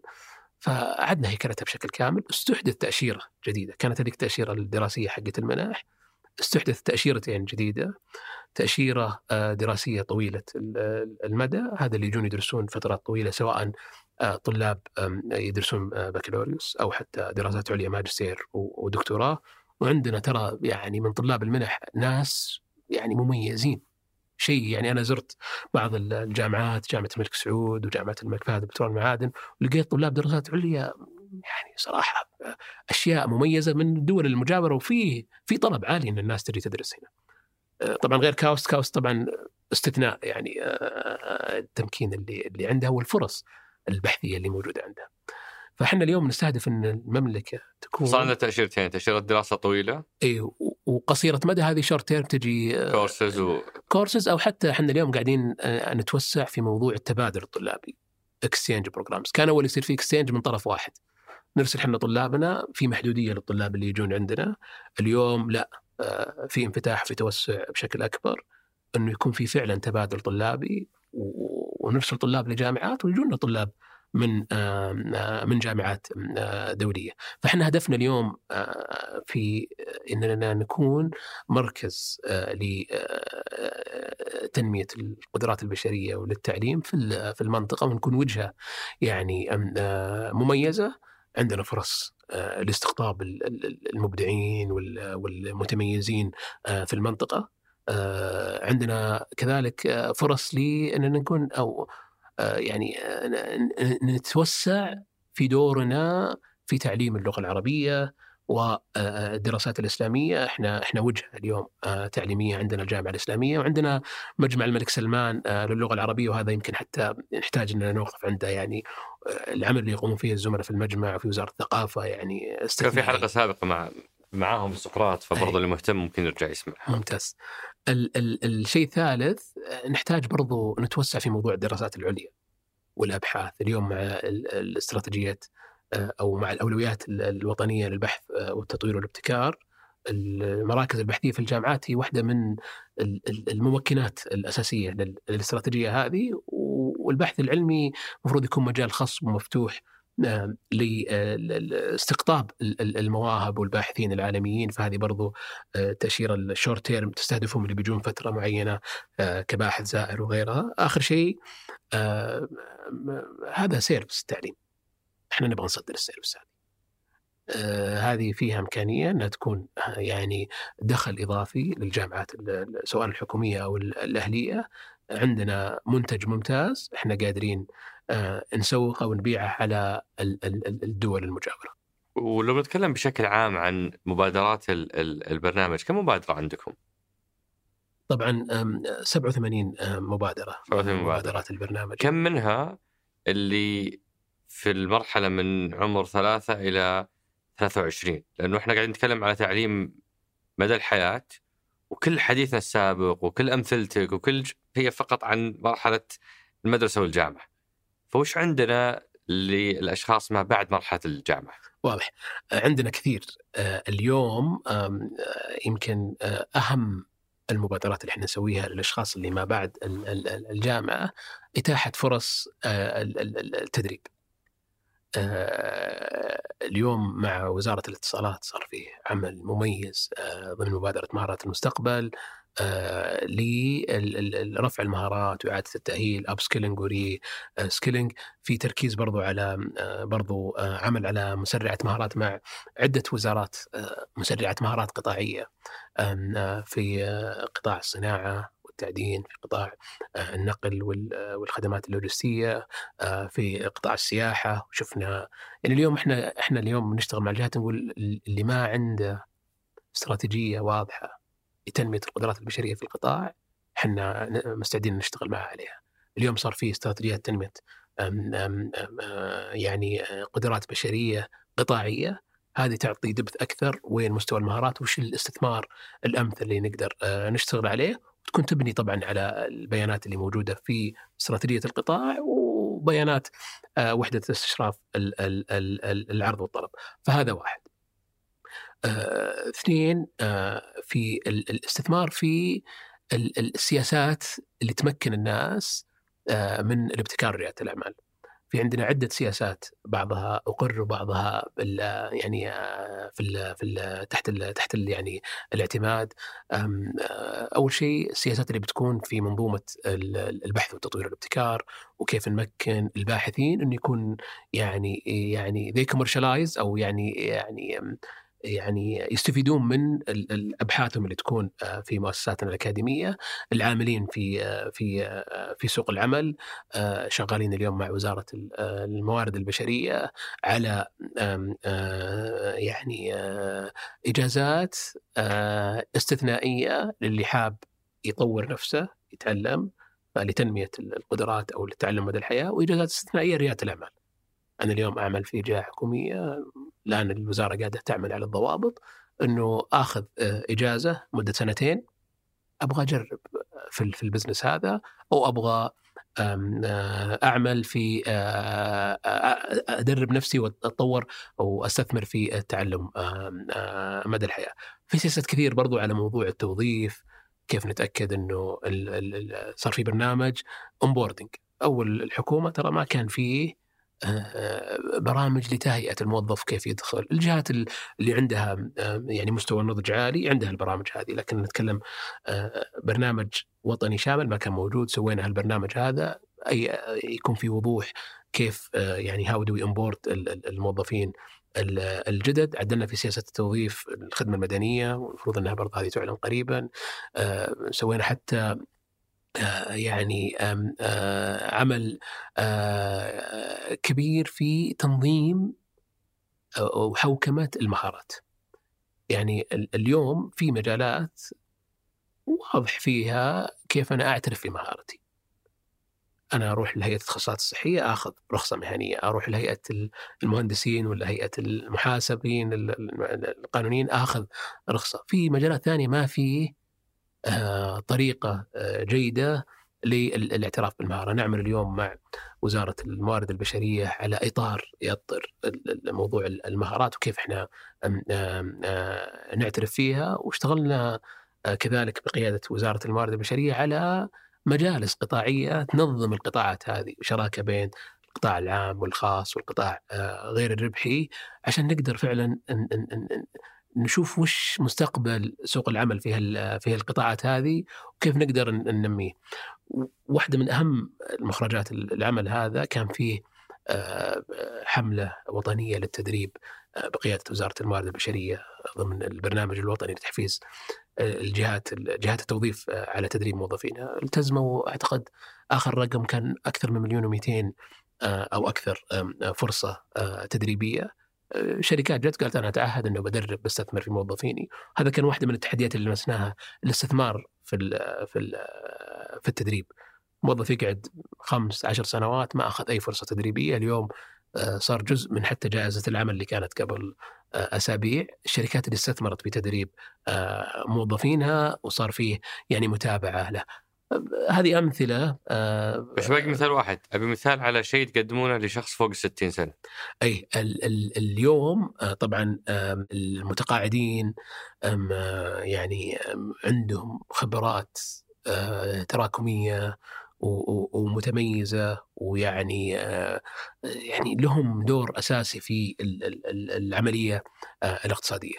طبعا فتح آه، جوانب كثيرة للعمل معهم جزء منها طبعا يمكن الجامعات اليوم صارت تتعاقد مع هذولا جزء منها نستفيد منهم في منصة اللي هو التوجيه والإرشاد اللي بتكون مع اللي مع مع مع هدف وجزء آم، آه، آه، التسهيل اللي قاعد يصير آه، في آه، موضوع آه، في يعني سياسات وتطوير اللي هو ال- ال- القدرات ال- ال- ال- البشرية يعني آه، ما زال فيه يعني فرص اكبر آه، آه، لاشراكهم لكن آه، يعني الحمد لله آه، بدينا بهال- بهالاتجاه هذا وقاعدين نت- نواصل العمل فيه. يمكن أكثر من من جهة حكومية أو برنامج لما نحكي معاهم يذكرون إنه أحد أهم آه، مكاسب الرؤية وبرامج تحقيق الرؤيه هو موضوع العمل الاستراتيجي، العمل طويل المدى، العمل ال- الذي لا يتأثر بالأشخاص. آه، فوزير يمشي، وزير يجي، الأهداف وحده، هذا الأمر شوي آه، لاحظنا أنه ما هو ما هو متحقق في واحدة من أعمالكم آه، إذا أنا فاهم غلط صححني موضوع الفصول الثلاثة. الفصول الدراسية الثلاثة أحدثت جدل كبير. أنا بالنسبة لي أعتقد أن الأمر قابل للنقاش وما هو باختصاصك هل صح ولا مو بصح ثلاث فصول دراسية فمو هنا بناقشك. بس أنا أنا مشكلتي هي في أنه إذا كان قرار استراتيجي واتخذ شلون أول ما يمشي الوزير اللي اتخذه نرجع نناقش الموضوع وجامعات تتراجع عنه ويعلن بأنه قيد الدراسة. معناته شغلنا مو باستراتيجي صار شغلنا مبني على على على أفراد. فودي أفهم وش المشكلة وش دوركم أنتم وكيف نطمن انه إحنا آه، في هذا القطاع زي بقية الدولة العمل استراتيجي وليس هو عمل مربوط بالأشخاص واضح. طبعا ال- الفصول الثلاثة آه، عمر هذا طبعا آه، التقويم الدراسي شغل آه، أو عمل مسؤولية وزارة التعليم، إحنا اللي يهمنا في البرنامج واللي كان جزء من ال- ال- التحديات اللي شفناها لما سوينا ال- ال- التحليل لل- للوضع الراهن آه، كان عدد الأيام الدراسية. وش لقيتوا؟ لقينا إنه إحنا عندنا العام الدراسي 36 أسبوع. آه، منها أربع أسابيع رايحة اختبارات. بقى 32 أسبوع. منها أسبوعين اللي قبل الاختبارات عادة يعني تكون شبه إجازة. زين. فصفها تقريبا على 150 يوم آه، دراسي. البنش مارك 180 تقريبا الدول اللي يعني تعليمها جيد. هذا كان ال ال ال ال ال ال ال التحدي اللي عندنا اللي ناقشناه مع الوزارة قلنا نبغى حل التحدي هذا. ال ال ال آه، اليوم أعتقد التوجه الفصول الثلاثة واضح في ال- في ال- في التعليم العام ومو بغلط إننا نعيد دراسته ونتأكد إنه نطبق بشكل بشكل أفضل. هل فيه تراجع عنه أو لا هذا إحنا ما عندنا يعني وضوح في في الموضوع هذا هذا يعني الوزارة ما رفع شيء لل- للبرنامج أو حتى يعني صار في لجان لمناقشة الموضوع هذا business product للوزاره تشتغل آه تشتغل عليه. أنا ودي أرجع هنا خطوة بس عشان نوضح كيف جت خطه البرنامج وكيف جت ال- ال- ال- ال- ال- المبادرات. إحنا لما درسنا الوضع الراهن وقيمناه طلعنا بتحديات واضحة. اللي سويناه بعدها إحنا حطينا التوجه، إحنا هذا وجهتنا. إحنا نبغى نوصل إلى مواطن منافس عالميا، نبغى نأسس صح، نبغى نعد لسوق عمل مستقبلي، ونبغى نتيح فرص تعلم مدى الحياة. هذه التحديات اللي عندنا وهذا الترو نورث حقنا وصار فيه فرص عمل مع الجهات ال- الحكومية، مع القطاع الخاص، مع القطاع غير الربحي. هذه تحدياتنا وهذا التوجه اللي إحنا ماشيين فيه. آه، نبغاكم تكونون جزء من هال ال- ال- ال- الرحلة اللي إحنا قاعدين نمشي فيها. وهنا كان في عمل كان في خلية نحل عمل متواصل من ال- ال- الجهات جانا يمكن آه، أكثر من آه، 500 آه، يعني مبادرة ومشروع آه، من ال من ال من الجهات واشتغلنا على يعني دمج بعضها آه، مراجعة بعضها بعضها قلنا هذا ما يتوافق أصلا مع ال- ال- النطاق العمل اللي إحنا آه، نشتغل عليه. ومنها طلعت هال آه، هال هالخطة اللي اليوم إحنا قاعدين ننفذها. وترى اليوم الحكومة آه، في آه، ديناميكية عالية. حتى لو كان في شيء قرار آه، اتخذ وتبين بعدين إنه في فرصة لتحسينه وتطويره ما بغلط. وبالعكس يعني هذا يثبت إنه في مرونة وفيه آه، تركيز آه، عالي. بس عشان أجاوبك ما أدري عن التفاصيل هل هل المفروض إنه يصير فيه تغيير نتفق عليه. نتفق جدا في موضوع المرونة وأظن هذه من أهم سمات ال- ال- العمل وقيادة التغيير في الفترة الماضية. بس بطبيعة الحال المرونة لها تطبيقاتها. ولها أماكنها قرار استراتيجي زي فصول دراسية. هذا ما هو ببساطة خلينا نجرب ما جاز لنا نغير. أعتقد الموضوع أكثر تعقيدا من آه، مبادرات أخرى أو قرارات أخرى تحتمل المرونة والتجريب. بينما شيء زي كذا إحنا بنفترض إنه أخذ حقه الكافي من الدراسة واتخذ ليبقى على الأقل مدة زمنية إلى أن تتغير الظروف اللي اتخذ لأجلها. وقتها أقول راجع. بس إني توني مطبقها أنا العام الماضي وأجي اليوم أقول خل راجع. ما ما مدانا نقيس أثره عشان أقول نبي نراجع. فهنا التحفظ هنا ال- القلق اللي عند مجموعة من الناس. إي آه، المراجعة ترى على اللي يمكن اللي نشر بنراجع تطبيق الفصول الثلاثة. بس آه، يعني آه، ما يعني إنه إحنا نا- قاعدين ندرس إننا نتراجع عن بس في بعض الجامعات تراجعت إي ال- الجامعات ترى اليوم المفروض إن الجامعات جهات مستقلة. اليوم ترى الجامعات من اول عندها أكثر من تقويم دراسي يا عبد الرحمن. أبو عبد الرحمن عشان ما تزعل. أنت مره مرة يعني مركز على عبد الرحمن إيه. آه، ال- يستاهل. ال ال عاد أنا عندي واحد ترى في البرنامج اسمه عبد الرحمن ودائما أركز عليه ما أدري الاسم يمكن برضو يعني منكد لكن- زي عبد الرحمن اللي عندي منكد عليه ولا غير؟ لا بالعكس والله ونعم أنا كنت بغير اسمي بخليه عبد الرحمن بس عاد ما ما ضبطت يعني متى ذي؟ وأنت صغير؟ وأنا صغير لا لا كان عندي عدم قناعة بالاسم بس اليوم الحمد لله مبسوط فيه ال ال ال ال اليوم الجامعات من أول كلية الطب عندهم calendar خاص فيهم الماستر عندهم آه، calendar خاص فيهم فالجامعة المفروض إنها تطبق أكثر من آه، من آه، من نموذج. آه، كان فيه آه، داخل مجلس الجامعات آه، توافق على تحول إلى توسع في تطبيق الفصول الثلاثة في آه، في في الجامعات. وبعدين آه، في جامعات ما طبقت أبد فصول ثلاثة.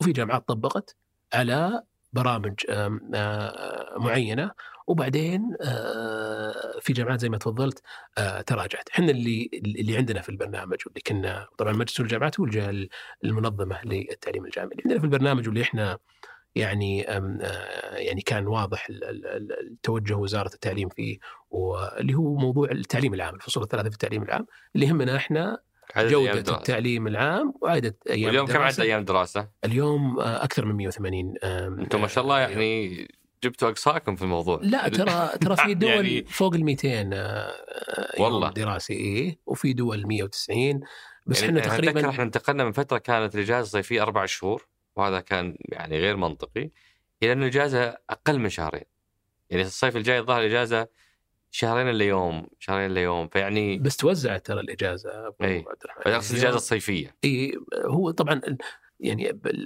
بال يعني ال- الدراسات تقول إنه المفروض ما يكون في توقف طويل, طويل. هذا ضار زين. فاليوم آه تلاقي بين كل الفصل وفصل في إجازة أسبوع أسبوعين. تلاقي أحيانا في إجازات في منتصف ال- وهذا. تحسونه صحي؟ هذا صحي جدا آه لأن الأمهات زعلانين يقول ما يمدينا نبدأ إلا وقفتوا ما يمدينا يعني نبني حماس الطالب الا خرب نومه في اجازته باسبوع فهذه أنتم يعني تشوفونها ممارسة عالمية سليمة الاجازات القصيرة الكثيرة هذه آه شوف آه، في الإجازات القصيرة وفي الإجازات اللي هي منتصف ال- اللي بين الفصول أي الإجازات القصيرة إنه لونج ويكند ما هي مشكلة. بس تتكلم على أنت أسبوع هذه فيها فصلة فيها تغيير موعد نوم فيها احتمالية انقطاع. هي بين الفصول آه، معظمها يعني. لو في منتصف الفصل. هذه يصير فيه في أعتقد أتذكر فصل واحد يكون في منتصف الفصل. هذا كان لأنه في جامعات تمشي على الفصلين كثير وتبغى الأسرة يكون عندهم برضو فرصة إنه يكون إجازة لكل الأسرة. اي فال calendar ال- الفصلين اللي يعتمد ممتاز يكون في إجازة متقاطعة بين هال بين هالإجازتين هذه تسهل على الناس إن الأسرة كلها تكون آه، تكون مع بعض وما يكون كل سنه في conflict بين ال ال ال- وعلى طاري conflict يعني أشوف بعض رسائل الأصدقاء إنه إحنا تورطنا في مسألة الثلاث فصول هم في جامعة طبقوا ثلاث فصول يقول صرنا نروح نقدم على برامج التدريب التعاوني ونلاقي إن إحنا يا جينا بدري يا جينا متأخر الشركات ما عاد تبينا خلاص الشركات مبرمجة نفسها على التدريب التعاوني اللي هو مبني على فصلين فلما يجونها طلاب من جامعات ثلاث فصول يكون ما هو في نفس الباتش أو الدفعة الغالبة فتضيع عليهم فرص كثير في التدريب التعاوني نتيجة فكرة الثلاث فصول دراسية في الجامعة. حالات زي هذه هل ترصدونها تشتغلون عليها مع الجامعات؟ دوركم في الموضوع هذا؟ آه، طبعا آه، يعني خلينا نأسس نقطة هنا أبو عبد الرحمن الجامعات اليوم يعني أجهزة مستقلة عندها المرونة وال وال, وال يعني ال إنها تعدل في آه، حتى في برنامج التدريب يعني هذا. هذا واحد. اثنين المفروض الجامعة تكون أقرب أصلا لجهات التدريب. يعني اليوم إحنا اللي قاعدين نقول آه، الجامعات المفروض تكون مبادرة قاعدين نعمل عليها مع الجامعات مجلس الجامعات ومع هدف إنه يكون في مكتب لل- للتوظيف. فيه موجود اليوم في عدد من الجامعات بالبترول يسمونه placement center وفي آه، مكتب خدمات التوظيف في جامعة الملك سعود. آه، هذه المفروض إنها معظم الجامعات أو كل الجامعات يكون عندها. هذا دوره إنه ينسق مع جهات التوظيف على مواعيد ال- ال- التدريب تتاح الفرص التدريب لل لل لل للطلاب. إحنا اللي طلعناه سياسة. إحنا اليوم نقول المفروض ما نعترف بالتدريب أقل من ستة شهور. المفروض أي أحد قبل لا يتخرج من الجامعة يتدرب لمدة ستة شهور. طبعا في تحدي. لأنه عندك أنت سعه وطلب. وين أدربهم؟ خصوصا لما أتكلم على بعض الجامعات اللي يمكن حجم الاقتصاد اللي في المنطقة اللي فيها ما يتيح فرصة إنك تدرب كل آه، كل طلاب الجامعة. فحاولنا اننا ندفع بالاتجاهين.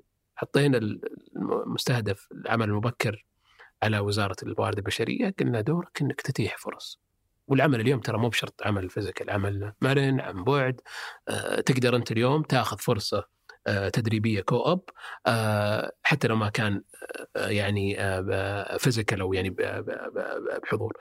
وعند آه، وزارة التعليم حطينا السياسة وعند مجلس الجامعات إنه ال- ال- المفروض تعدل تعدل الخطط الدراسية ونتأكد إنه في خبرات عملية كافية وإنه يكون في نسبة آه، معينة من ال- ال- الخبرات ال- العملية ونفترض إنه التوتال يكون ستة شهور. آه، تدريب وبدأ بدأ ال- ال- اليوم آه، تطبيقها في عدد كبير آه، من الجامعات. آه، لكنها ال- اليوم الجامعة مسؤوليتها إنها آه، تتعامل مع آه، جهات التوظيف وتتيح فرص لل- لل- للتدريب. والشركات يعني آه، في مرونة أصلا في استقبال المدربين. يعني إحنا أنا أشوف الجهات اللي نعمل معها وحتى عندنا إحنا في في البرنامج التدريب يعني مفتوح بشكل بشكل أكبر ما له يعني مرة بالسنة أو مرتين بالسنة. آه، أنا ودي أختم ب قبل ما أروح لأسئلة الأصدقاء أبغى أختم بأهم جزء عندي صراحة يهمني أنا شخصيا موضوع القيم. آه، وش تقدر تسولف لنا عنه كمستهدفات مبادرات آه، تحديات وش عندكم في موضوع القيم؟ طبعا آه، أول شيء إحنا يعني مجتمع يعني ولله الحمد يعني آه، عندنا قيم آه، مميزة ومجتمع محافظ على على على قيمه وعلى عاداته، يعني إحنا أنا ودي نأسس شوي نرجع القيم من وين تجي؟ في أي مجتمع وش مصدر القيم هذه؟ كيف الناس يكون عندها هالاعتقاد والإيمان بالقيم هذه وتعمل عليها؟ من يمكن أربع مصادر رئيسية. الدين الأديان السماوية إحنا عندنا القرآن والسنة غنية بالقيم. تعلمنا الصدق والأمانة والإخلاص وغيرها من القيم النبيلة اللي موجودة عندنا. الموروث التاريخي آه، وال يعني وال- وال- والثقافي وهذا يعني إحنا اليوم كمجتمع آه، في آه، عمق الجزيرة ال- ال- العربية وموروثنا التاريخي وأبطالنا آه، يعني آه، أسسوا فينا قيم آه، ممتازة. لما نتكلم عن الكرم عندنا مثل حاتم الطائي الشجاعة آه، يعني. الملك عبد العزيز والعزيمة اللي وحد فيها هال- هالمملكة هذه يعني. فالموروثنا التاريخي. آه، ثلاثة حتى ال- ال- الوضع الاقتصادي والاجتماعي التطور والتقدم اللي اللي اللي نعيشه يجي بقيم آه كذلك آه اضافيه الانضباط ال- ال- ال- ال- ال- ال- الاتقان هذه كلها برضو تكون آه جزء من آه، البلد واخر شيء ال- ال- النظام التعليمي والاجتماعي ال- ال- ال- كيف إحنا نأسس لأنه التأسيس جزء مهم آه، في الموضوع ده في عمل كبير على موضوع ال- ال- القيم آه، هل في قيم محددة إحنا مستهدفينها؟ طبعا الرؤية جت في عدة قيم آه، ضمن أهداف الرؤية محددة وش القيم اللي نستهدفها المجتمع السعودي؟ طبعا ذكرناها في وثيقة البرنامج الإتقان الانضباط ال- العزيمة المرونة الإيجابية الانتماء الوطني الوسطية والتسامح. يعني هذه أمثلة على على القيم اللي اللي اللي إحنا نستهدفها. كيف قاعدين تعزونها في الناس؟ طبعا آه، من عدة آه، جوانب. آه، من جانب آه، ال- ال- ال- آه، السياسات في سياسات تعزز قيم معينة. الانضباط ترى يصير. يعني أنا أتذكر إحنا لما سوينا دراسة على الدول اليابان كان عندهم ثلاثة قيم. وإذا رحت اليابان تشوفها. أوردر وديسبلين و آه، نسيت والله الثالثة زين فاللي هو انضباط و... ترتيب وترتيب نظام. والنظام.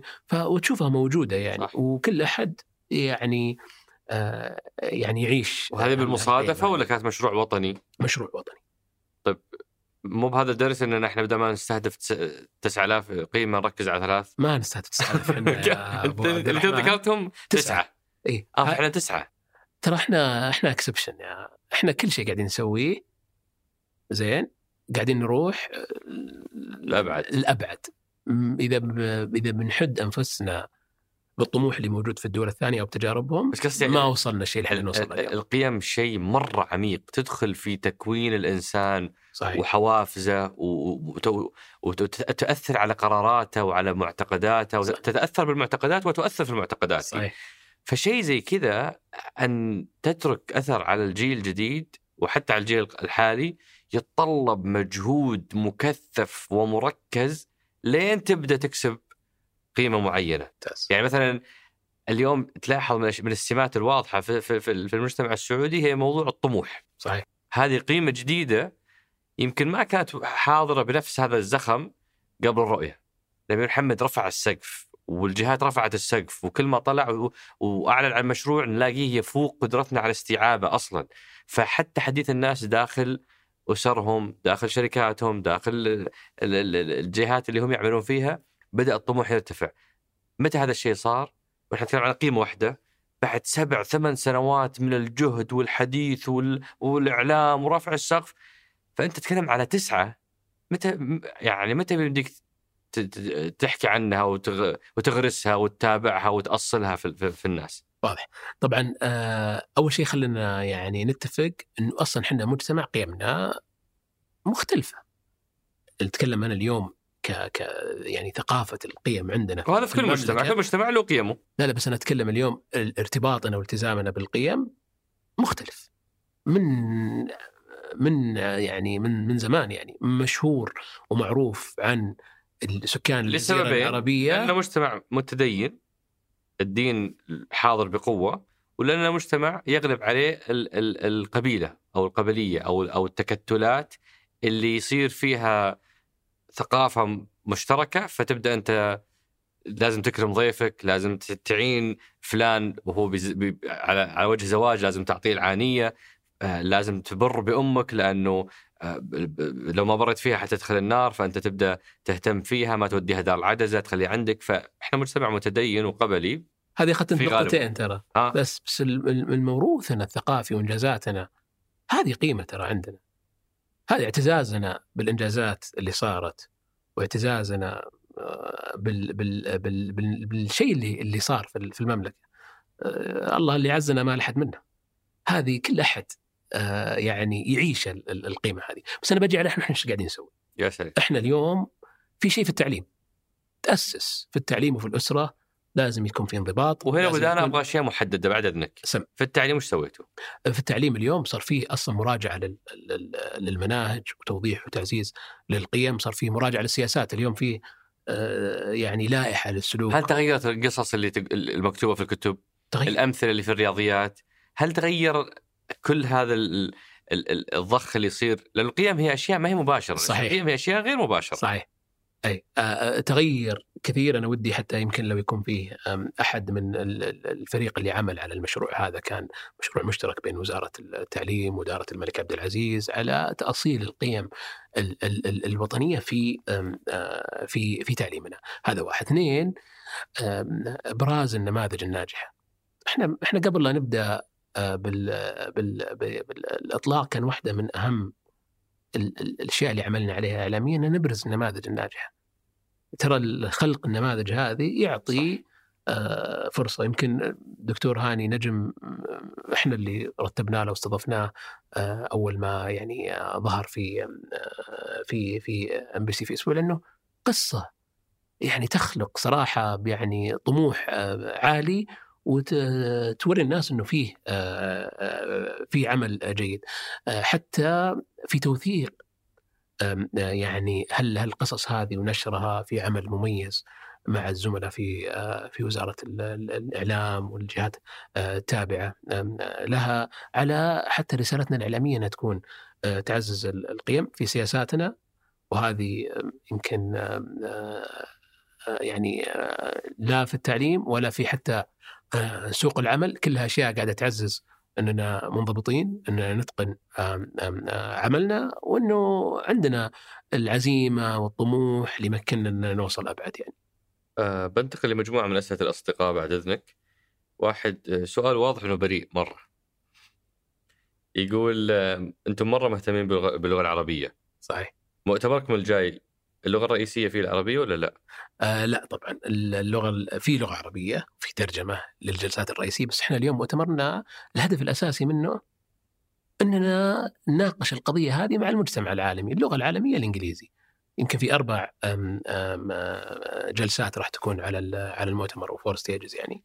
آه، الجلسة الرئيسية بتكون باللغة الإنجليزية لكن فيه ترجمة فورية زين الجلسات ليش مو بالعكس؟ آه لأنه أنا جاي الهدف الأساسي من استضافة المؤتمر هذا أننا نناقش التحديات هذه اللي تواجه تنمية القدرات البشرية في العالم. آه إذا إذا عندي متحدثين من آسيا ومن أوروبا ومن أفريقيا اللغة المشتركة اللي تجمعهم اللغة الإنجليزية الإنجليزية يعني وهذا ترى هذا يعني ال- ال- ال- اللي يصير في معظم المؤتمرات العالمية يعني. آه في سؤال على موضوع الملف ال- الموحد انت عندكم مبادرة الملف ملف ال- ملف التعليم الموحد ولا يعني أنا أنا صار لي موقف كنت في بطلع لولدي هويه ويوم رحت للأحوال يقولون ما نعرفه يعني ما, ما- ما ندري هو في أي سنة دراسية أطبع لنا ما أدري إيش حسيت إني رجعت لسنوات قديمة خلاص الربط التقني مفترض صرت الحين إذا رحت للداخلية ما عاد أحتاج أجيب معي شيء أول مرة أحس إني رجعت 20 سنة ورا لما قال يجيب لي تعريف من المدرسة في أي سنة دراسية هو ليش ما في ربط بينهم؟ ليش ما في ملف للطالب في كل نتائجه في كل معلوماته؟ بكرة بيدخل جامعه بدل ما اشيل ملف العلاقي حقي. خلاص خذوا البيانات من عندكم. أي طبعا ال- ال- ال- اللي يهمنا إحنا بالملف الرقمي الموحد انه يكون معلومات الطالب الصحية والنفسية والدراسيه تكون آه، موجودة مكان واحد. مكان واحد. يعني اليوم آه، يمكن وهذه من واحدة من مبادراتكم. صحيح. واحدة من الأشياء اللي سويناها مو هدفنا إنه نخدم الحكومة الإلكترونية مع إنه هذا هدف يعني كويس بس إنه مو بهذا مو بهذا الواجب اللي علينا. وأنا ما عندي والله فكرة ليش اليوم. اللي اعرف إنه سدايا عندها كل بيانات ال- ال- ال- الطلاب يعني موجودة هي ديجيتال. فأنا أستغرب إنه طلب منك العمل هذا. نعم. أم، آه، لكن ال- اليوم المبادرة اللي ذكرتها أبو عبد الرحمن آه، إحنا حريصين إنه زي ما ملفك الطبي لما تروح من مستشفى لمستشفى المفروض إنه يكون واحد ويعرف كل التاريخ حقك والهستوري والأشياء اللي مريت فيها. وهذا يعلن عنها يعني مؤخرا مع وزير الصحة أعلن عن برنامج نفيس وإنه هو بداية نواة الملف الطبي الموحد وفي كل كشفياتك كل تاريخك المرضي إلى آخره. إحنا نبغى ملفك التعليمي. والمفروض إنه أسهل هذا شوي. طبعا كل شيء على ال service أبو عبد الرحمن سهل بس أنا أتكلم يعني إنه يعني اليوم واحدة من الأشياء اللي برضو اشتغلنا عليها مع وزارة التعليم وهيئه الاشخاص ذوي الاعاقه موضوع تصنيف الإعاقات اللي عنده صعوبة تعلم اللي عنده مشاكل اجتماعية أو أسرية اللي عنده يعني المفروض ان يكون عندك track وا- آه، record واضح سجل واضح آه، للطالب ولو انتقل من مرحلة إلى مرحلة وجاء مدرس جديد أو انتقل من مدرسة إلى مدرسة المعلم يقدر يعرف الطالب اللي أمامه يقدر يتواصل معه يقدر يعرف وش الظروف ال- ال- اللي, اللي, اللي يعيشها الطالب هذا وكيف أنا أقدر أتعامل معه بأفضل طريقة هذا كان هدفنا ما هو هدفنا تسهيل آه، خدمات حكومية يعني. آه هذا يقول آه أسأل أبو إبراهيم ليش علاقته متوترة مع الجهات الحكومية اللي تنفذ مبادرات البرنامج آه لا بالعكس يعني آه، شوف آه ما أعتقد إنه توتر آه يمكن آه آه كيف تصف علاقتك معهم؟ تكاملية إحنا نكمل بعض. يمكن أحيانا إحنا ترى أبو يعني إحنا البرامج آه، ما إحنا في جهة ال- تنفيذ. ما إحنا بجهة تنفيذ. صح. ال- ال- الت- ال- ال- أنتم لاير أو طبقة تنسيقية فوق الجهات وتحت اللجنه الاستراتيجيه بالضبط. فنكون متطلبين أحيانا. والجهات أحيانا يقولون يعني خفوا علينا شوي يعني. بس العلاقة بالعكس آه، ممتازة وطيبة و... هذا إحنا نجرح ونداوي إيه. هذا السؤال يقول آه، عندهم قصة رهيبة في موضوع الابتعاث خلي يقول لك إياها. هل عندنا لو لو كذا بشكل موجز أي. آه، شيء يستحق الذكر في موضوع الابتعاث؟ آه، بكل سرور. الابتعاث جانا توجيه إننا ندرس يعني ونعد استراتيجية لل- لل- للابتعاث وسوينا الحقيقة تحليل ودراسة لكل التجارب السابقة يعني. يعني أنا من آه، مخرجات برنامج آه، خادم الحرمين في الابتعاث وأفتخر يعني الحمد لله تغيرت أعطاني فرصة أخذت خبرة عملية اشتغلت آه، لما كنت أدرس وجيت عندي مهارات غير المهارات اللي كانت عندي أساسا سويت career shift على موضوع الشغف آه، كنت developer ابرمج اكتشفت إنه مو بهذا المكان المناسب لي ورحت ركزت على ال business وعلى ال- الاستشارات الاداريه. فجانا التوجيه إننا إننا ندرس الاستراتيجية لل- للابتعاث وعملنا الحقيقة عمل تشاركي مع مع الوزارة وركزنا على النوعية. يعني ال- ال- الابتعاث أول ما بدأ كان في تحدي بالطاقة الاستيعابية بالجامعات ما عتبوا هذا التحدي يعني كان في حتى بعض أعضاء اللجنة يقولون هل نحتاج ابتعاث؟ جينا قلنا ترى ألمانيا الصين كندا تبتعث نعم نحتاج ابتعاث نحتاج تنوع نحتاج آه، جيد. اللي صار إنه ركزنا على الجودة والنوعية. برنامج الابتعاث السابق يمكن كان آه، أقل من 10% اللي راحوا لافضل 200 جامعة. اليوم أكثر من أقل من 90% 10% إي. اللي هم كم؟ 500000 طلعوا؟ أكثر من 500 ألف. أكثر من 500000 وهذا لأن الهدف كان واللي راحوا لأفضل 100 جامعة ما يتعدون 50000 آه اللي أفضل 200 جامعة. أفضل جامعة. إي ما يتعدون 50000 هذا في طبعا أتكلم عن العشر سنوات من الابتعاث. ترى ب- في وقتها كان آه، ما هو بغلط استراتيجي لأنه كان عندنا تحدي في الطاقة الاستيعابية. صحيح. ما كان عندنا كمية آه، مقاعد. اليوم طيب وش وضعنا؟ اليوم مركزين على أربع أشياء.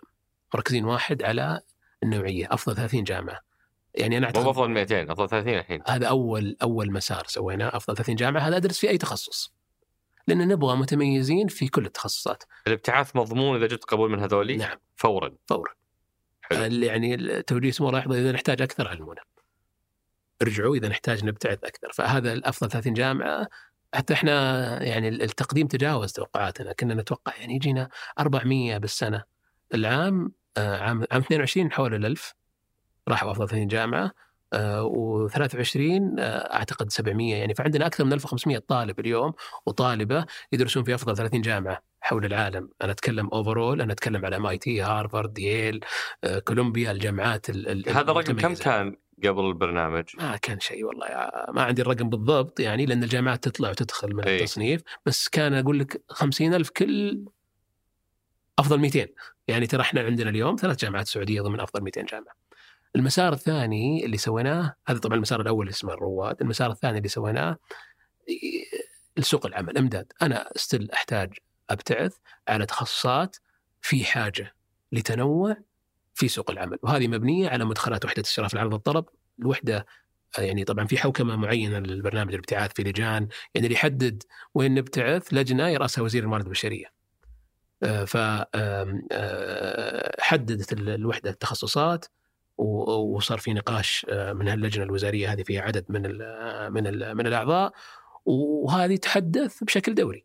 ويعني أقول لك يعني اليوم مثلا من التخصصات اللي نتوقع إنه لها مستقبل مثلا التقنيات الزراعية. بس ما في تقديم عليه ما في إقبال. دورنا إحنا ودور الأمانة المعنية في ال في ال عن الابتعاث ان تتكلم مع وزارة البيئة والمياه والزراعة نقول ترى عندنا فرص في هالمجال هذا. يعني الفضاء مثلا أخذ استثناء السنة هذه وشفنا إقبال مميز عليه وهذا من اقتصاديات المستقبل وتوجهاتنا الاستراتيجية.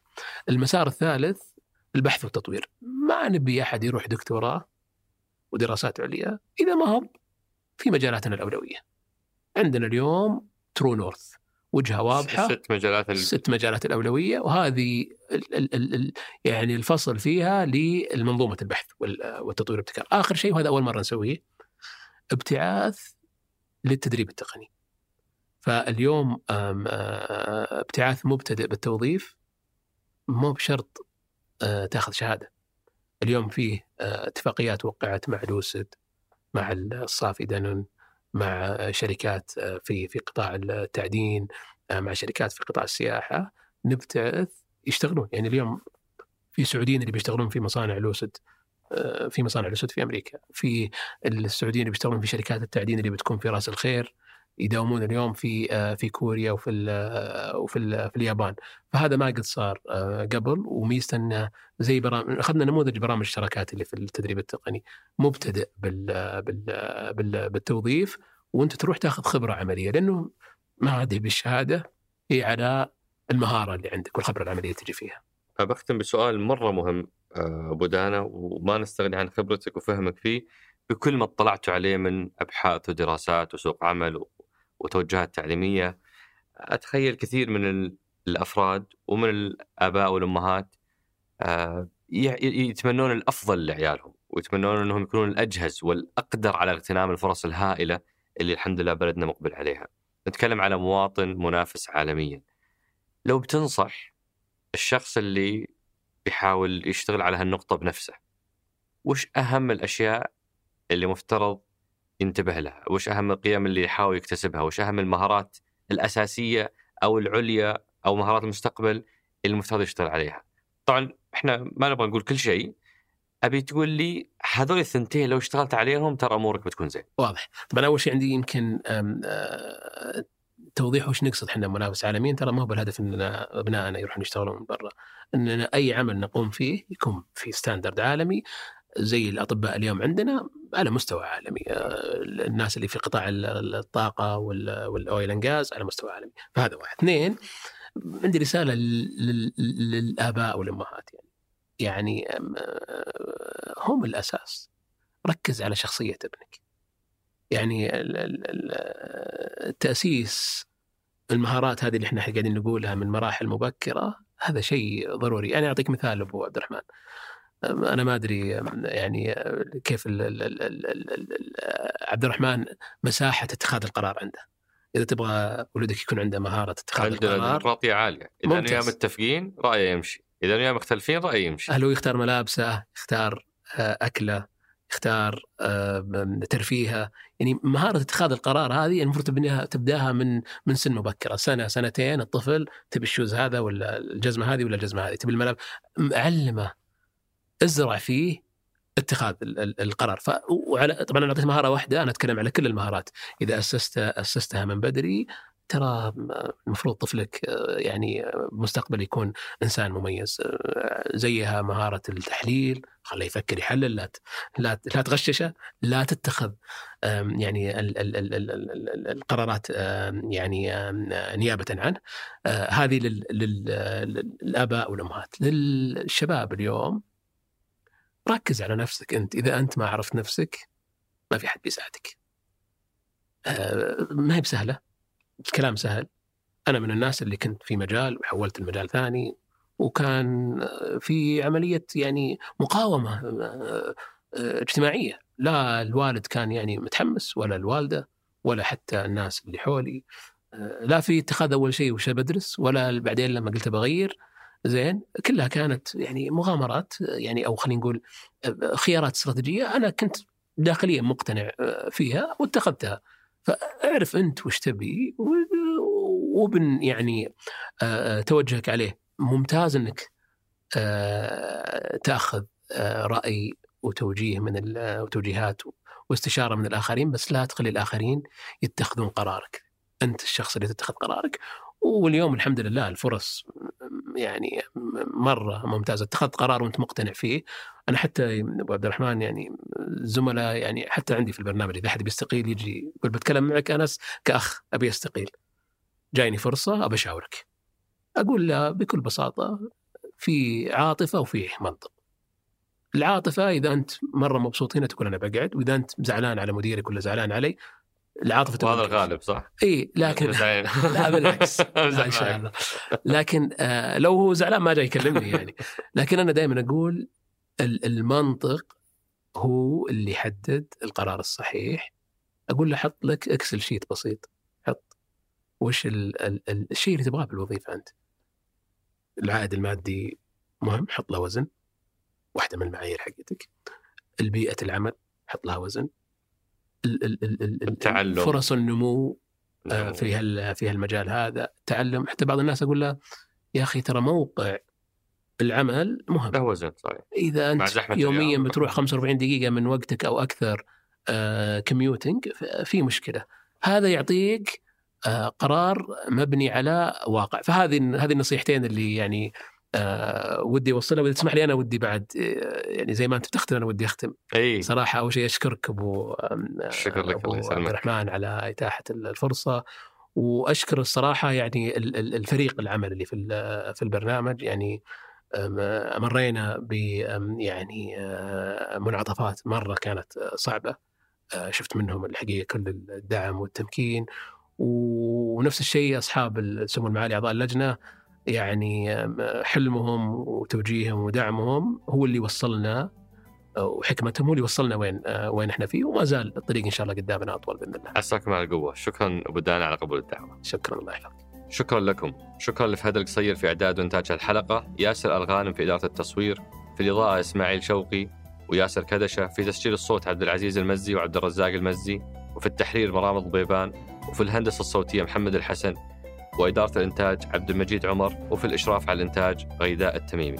هذا سقراط أحد منتجات شركة ثمانية للنشر والتوزيع.